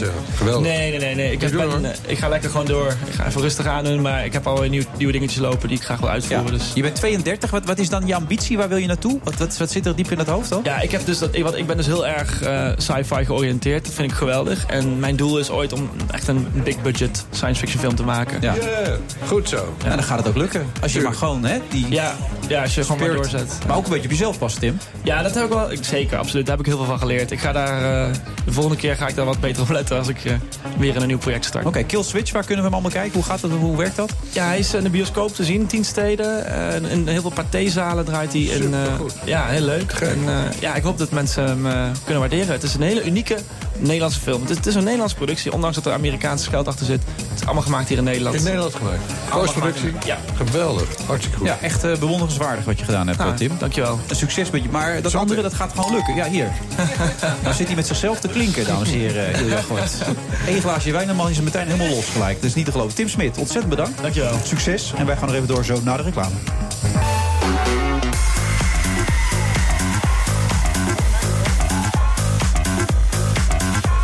We zitten in de absolute slotfase van deze uitzending van de Friday Move. Vrijdag 2 juni. Ik zie Tim Smit nog steeds allemaal dromen uitleggen aan Ilja Kort. Dat kan hij misschien zo nog even aan mij vertellen wat er besproken is. Maar eerst gaan we even naar Paul Jans toe volgens mij. Want eh zo meteen Burswatch. Ja, Rob Jansen inderdaad. Ja. Oh, Rob. Ja, Paul. Maar, nee, Rob. Paul Lasseur, Rob Jansen. Ik denk dat dat Oh, de verwarring is. Eh, we, gaan het, Eh, we gaan het, het zal je niet verbazen, hebben over Axo Nobel. De strijd om de verffabrikant die is natuurlijk voorbij. Maar het laatste woord is er zeker nog niet over gezegd. Ook Axo-topman Buchner heeft vandaag in een persbericht gezegd... dat hij intensiever overleg wil met de aandeelhouders. Ja, dat wilde zij ook eh, met hem. En toen wilde hij niet. Hij wil wel feedback van ze krijgen. Nou, ik ben heel benieuwd eh, wat mijn gasten daarvan zeggen. En de vraag is natuurlijk ook of Nederland zich met de weerzin tegen overnames... niet een beetje uit de markt prijst. Er waren ook wel wat eh, matige cijfers over de banen in Amerika. De autoverkopen eerder deze week ook niet al te best. Kortom, hoe gaat het eigenlijk met de economie van Amerika? Daarover en nog veel meer met Martine Hafkamp en Richard de Jong om half zeven in Beurswatch. Dankjewel Rob. En niet te verwarren natuurlijk met Paul wat, Ilja, je zat nog even door te praten met Tim. Maar die is helemaal vol hè, met dromen en zo. Ja, geweldig. Ja, hij wil nu een nieuwe film maken. En hij zegt zelf van, eh, ik heb nu laten zien wat ik kan met 1 miljoen. En ik hoop dat er iemand opstaat die zegt van... nou, dan wil ik wel eens zien wat hij kan met 3 miljoen. En zo verder. 10 miljoen moet je dan gelijk, dat toch? zou ik ook zeggen. Ja, Ja, 10. Ja. Die Holly- 15. Die Hollywood-budgetten die kunnen wel een stootje hebben over het algemeen. Lijkt mij ook inderdaad, ja. Hey, we hebben een soort soundbeat van jou gemaakt. Dat heb ik niet gedaan. Dat doet Oh. altijd de DJ. Ja, dat is leuk. Dan- Ik vind het ook zo, lullig om het niet eh, aan te vragen. Anders heeft hij het gemaakt en dan heeft niemand het Ja, gehoord. dat is ook flauw, ja. Ja, daar komt hij. En het leven lacht me toe. Nee, dan ga ik natuurlijk meteen denken, hé, leuk, wijngaatje kopen, lachen. Het is maar wat je wil. Laat het feest worden. Voor 35 euro spuit de hele kamer vol met champagne. Maak een groot feest. Of drink een lekker glas voor 15 piek. En betaal niet mee aan het gouden dak van de grote champagnehuizen. Twintig jaar geleden, toen maakte ik muziek voor reclame. En dat, dat, dat is enorm, eh, dat vreet je op. Daar ben ik mee bezig. En dat verdient lekker, maar je kan verder nooit weg. En toen heb ik op een goed moment in een vlaag van waanzin heb ik een chateau gekocht in Bordeaux. En toen heb ik tegen de mensen daar gezegd: wij gaan gewoon de beste wijn maken die hier te maken valt. Nasty. U kent mij misschien van mijn boek Leven als Gort in Frankrijk. Of van mijn eigen wijnlijn bij de Albert Heijn. En dat klinkt allemaal als een slogan. En dat klopt. Ik kom namelijk uit de reclame. Nasty. Nou, dat ben je dan, hè? grappig. Leuk, hè? Word je geconfronteerd met alle domme dingen die je in je leven hebt gezegd. Ja. ja grappig. Ja, nou, je hebt vandaag nog uitgelegd hoe je een Fransman moet prikken. Dus wat dat Ja, betreft... eh, hè? ja, zo is het. Ja. Maar eh, zitten er dingen in te- waarvan je zegt van dat had ik nou nooit moeten zeggen? Nee hoor, nee, dat klopt allemaal wel. Ja. Want het- was dat niet leuk om die tunes te maken dan? Ja, dat is enig. Hartstikke leuk. Ja, hetzelfde wat Tim met film doet, dat deed ik dan met muziek. Ja, dit. Ja. Deze is van Nescafé, hè? Ja. Hoeveel Ja. landen? 160? Ja, 160 landen, ja. ja. Ik geloof het bijna niet. En dat is, eh, ja, in die tijd was dat heel, een jaar of tien geleden, 15. Heel bijzonder. En wat schuift dat dan? Het schuift enorm veel. Maar wat praat je over? 10.000, 100.000? Nou, Dat is eigenlijk precies. Daar kan de muziek even uit. Ik er even gek van. Grote muziek, hè? Ja. ja niet om aan te... Nou, Maar eh, nee, kijk, eh, in die tijd maakte je dus een jingle. eh, of een soundtrack. En dat budget daarvoor, dat speelde zich af tussen de 6000 en de 10.000 euro. En als je nou een dikke klant had, dan kon je zeggen, dan kon je een lulverhaal ophangen, dan kon dat nog wel eens 12 worden. Ja. Maar dan hield het op. Maar het mooie is dat daarover moeten rechten worden betaald. En die rechten die kun je dan afkopen voor hergebruik. En toen had ik te maken met Nescafé, Nestlé eigenlijk. En toen kwam er een keurige Zwitser met een aktentasje kwam op bezoek bij mij in de studio. En die zei, we want to have total control. Ja. En dat vond ik eerst wel griezelig klinken. Ja, voor een Zwitser zeker, als hij Engels begint te praten. Zeker, maar, dat vond ik wel eng. Ja. Maar toen ging hij ook eh, allerlei papieren overleggen. Zei hij, wij willen, we want to buy out for the world. Ja. The world. The whole world. Ja. En de universe erbij. Dus dat vond ik goed. En toen hebben we nog een, een, heb ik daar een, een man eh, bij gehaald. Een vriend van mij die eh, fiscaal eh, advocaat is. En die heel snugger is. En die, die twee die hebben samen hebben ze daar een, een, een bedragje uitge... Maar dan gaat het over tonnen meteen. Nou, dat gaat over een miljoen. Over een miljoen? Jawel. Dat heeft hij goed gedaan, Ja, zeg. geweldig, een het leuke, van is Ja. dat die, het leuke is dat die man eh, had het... En ze waren aan het onderhandelen. En toen had hij een miljoen afge... Was, dat was ter sprake gekomen, dat was als vertrekpunt. En toen zei mijn vriend Roel, Roel Kerkhoffs... ik zou hem je zeker Ja, aanbevelen. nee, dat die ga ik bellen. Schrijf het even op. Ja, Roel Kerkhoffs, En Roel genoteerd, Kerkhoffs. ja. En die zei toen, eh, wij willen graag 1 miljoen 40.000 euro. En dus die, ja, die Zwitser die schreef dat op en die ging weg. En toen vroeg ik aan Roel, ik zeg, Roel, waarom nou die 40.000 euro? Toen zei hij, nou ja, als ze een miljoen willen betalen... willen ze ook een miljoen 40.000 betalen. en dat was ook zo. Ja, en dat deden ze. Dat deden ze. Maar het, is een, het is een mooie tune. Ja, ik bedoel, het is niet eh, verkeerd, hoor. Ja. Nee. Nee, zeg maar dat is je grootste tune-succes zeg maar, van alles wat je gedaan hebt. Nationale financieel wel. Nederlanden. Nee, nee, ik vind, ik vind Duo Penotti vind ik eigenlijk veel leuker. Maar, ja? Duo, Penotti. Heb je die bedacht? Ja, zeker. Ja. Twee kleuren in een potty? In een potty, ja. Ik was dus Heb je ook die tekst geschreven? Ja, zeker. Echt waar? de tekst is niet van mij. Nee, Oh, sorry. de Nee, tekst is niet van nee, Dat vind ik wel jammer, want het is, maar ik was wel helemaal achter de gedachte, zeg maar. Ja. Maar in ieder geval, dat miljoen is dus volledig integraal tot het laatste dubbeltje in dat immense zwarte gat verdwenen wat een wijnchateau is. Maar dat levert toch wel wat op. Je, je zoon runt de boel nu. Ja, nu, Ja. tien jaar later. Maar de eerste jaren is dat, gooi je daar de ton na ton na ton in dat holle wijnvat. Ja. Dat verdwijnt zonder een spoor na te Maar je had laten. een geweldig deel met Albert Heijn. Die slobber rozees van jou en zo. Die ging als een tierenlierman. Die nam ik in die tijd altijd. Wat bedoel je met slobber? eh, Ik vond het een slopperrozeetje. Gewoon lekker op het balkon, weet je wel. Toen ik nog in Amsterdam. Zo'n slopperrozeetje van... Oh, Ilja bewaar de rekening. Ik ga Ja. nu weg. Dat vond jij geen slobberrozeetje? Dat is, La Tulipe, dat is een hele eh, hoog gewaardeerde, prijswinnende rosé, man. Echt waar? Ja. Ik slurp hem zo weg, hoor. Godsamme toch Maar dat komt waarschijnlijk weer door dat slurp eh Ja, nee, door het vulkaanboek. Hey. Je hebt trouwens een boek uitgebracht. Ja, de vulkaan. Ik, ik vind het nou trouwens wel jammer dat je... Wij zitten volgende week namens toe. Hier zitten wij in Gran Canaria. Ik had het leuk gevonden als je mee was gegaan. Ja, ik wil heel graag. Ik pak meteen mijn zwembroek en ik, Ja, kan het? Maar dat boek, eh, ik lees hier iets over een burgemeester van een dromerig Frans dorpje. Grijpt de kans van zijn leven. Dat is een goed boek dus. Ja, is vooral voor Vaderdag een heel leuk cadeau ook. Maar die muziekperiode is nu helemaal afgesloten. Je hebt in een band gespeeld, je bent de drummer geweest. Ja. Het is nu helemaal de wijn. De wijn en de boeken. En de televisie. Oh ja, Het stopt, Hey, hè? Zeg dat toch even dat vanavond de laatste uitzending is. Ja, hoe laat en waar? Eh, 20 uur 30 op Ja? NPO 2. Maar het is de allerlaatste, begrijp je, ja, of niet? dat is dan wel weer jammer, ja. Maar gaat het volgend jaar niet meer een vervolg? Eh, eh? ja, dat wel. Dat ja, wel. Ja, we gaan in eh, augustus beginnen met een nieuwe serie op te nemen. Oh, dus het gaat hartstikke goed. Die Ja. overstap van Max die heeft je goed gedaan, dat je er weg bent gegaan. Mm, ja, dat vond ik wel. Je vond die oude Ja. knarren voor je niks eigenlijk. Nou, ik vond Max voor hele lieve mensen. En Oh, ik heb veel aan ze te danken. En geen kwaad woord over Max. Maar dit vind ik wel iets leuker. Oké. Ja, ja. De kijkcijfers waren goed? ja, Ja? hartstikke goed, man. We zaten tegenover Ajax. Met en wat een half miljoen. Kan niet, want Ajax was op een donderdag. Oh, sorry. Maar, Ja, voetbal. Voetbal in In de ruimste zin des woords. Ja, dat zijn wij. Dat is het programma van eh op Oh, RTL 7 God. waar je ja, we nooit naar kijkt. op, op vrijdagavond tegenover voetbal van een half miljoen. Dat is toch top? Ja, dat is wel knap. Dat is geweldig. Ja. En dan hebben we elke week zitten we tegenover een hele vervelende Belgische serie... die ook 1,7 miljoen scoort. Ook heel naar. ja. Ja, het allemaal in de die gaten, hè? Ja, Nee. Ja. Dat krijg ik opgemeld. Oké. Ik vond het hartstikke leuk dat je er was, Ilja. Oh, dank je. Ik heb, ik heb veel van je er geleerd. Vooral dat prikken in die Franse buiken, dat ga ik echt toepassen. Dat is echt iets, dat is me bijgebleven. Ik heb goed op je gelet en ik heb mij voorgenomen om epigoon gedrag te gaan vertonen. Epigoon gedrag? Epigoon gedrag. Ik ga niet migreren of nee, mi- mini... Ja, die kon het niet op Ah, mitigeren. Wat was het nou? Mitigeren. Was dat? Ja. Pieter is inmiddels weg. Ja. Want zijn nabel die was inmiddels waar. 8 centimeter geworden. Ik denk, je moet hier echt vertrekken. Ik kan niet langer blijven. Ik ga epigoon gedrag vertonen. Ik vond het hartstikke leuk dat je er was. En ik- je hebt een leuk boek uitgebracht, De Vulkaan. Ja, De Vulkaan, Dus ja, in de betere boekwinkel. in de boekwinkel. Sorry dat ik het niet genoemd heb vandaag in deze uitzending. Volgende keer ga ik dat zeker doen. Wij zitten volgende week op Gran Canaria. Wist je dat? Wat leuk, man. Ja, we Toei heeft Kun je dat allemaal hier in geregeld. Nederland ontvangen?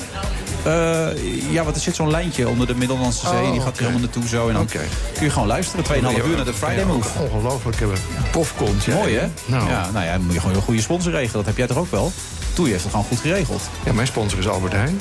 Oh, Ja. ja. wel- Welke fles wijn staat er nou in die, in die rugzak dan? Nou, dat was eigenlijk La Tulipe. Oh ja? Ja. Oké, die Dat is slobberwijn. Wat jij dan een slobberwijn noemt. Ja. Verdomme. Nou, hartstikke leuk. Volgende week zijn we weer te beluisteren vanuit Spanje, Gran Canaria. Leuk, hartstikke leuk. Zeker weten leuk. Top leuk. Olé. Ja, hey, dat is leuk. Spaans. Ogevaar. Uh, Arrivederci. Ja, Mary Suvier. Ga je kijken vanavond? Ja, nee. Oh. nee. Waarom dan niet? Ik moet afzwemmen. Tot volgende week. Dag. Mag ik eh, misschien wat ongebruikelijk beginnen met een citaat? Kleur op, zou ik in plat Haag zeggen. Eh, fantastisch, doe ik ook graag. Maar niet als informateur. Dat is prima. Ik vind het een goede keuze. Ik vind het fantastisch. Inderdaad. De tweede uitdaging is Ik denk dat u doelt op de variant die bij ons thuis inmiddels wordt benoemd. Buma en de Zeven Dwergen. Als de gebruiker in de ochtend op willen staan, drukken we op de knop. Daar komt hij. Ze. Ze, inderdaad. Er zijn maar heel weinig eh, mogelijkheden. Ik weet natuurlijk ook dat de situatie na gisteren niet makkelijker is eh, geworden. Er is er eentje echt uitvoerig bekeken. Opgezwollen water, tomaten. By the way, it's supposed to be 70 degrees today. It's freezing. Trump heeft een punt gemaakt. De bewindvoerders hebben zich niet gehouden aan hun taak. Ze hadden natuurlijk goed op het geld moeten passen. Dat hebben ze niet gedaan. Ze hebben er allerlei leuke dingen mee gedaan voor zichzelf. En dat mag natuurlijk niet. Evidenties eh, die zijn zelden zo evident als eh, soms wordt aangenomen. Eh, ex- ex- ex- ex- Expliciteert, e- e- e- evident, e- e- e- e- biedt het aan. Eh, eh, eh, eh.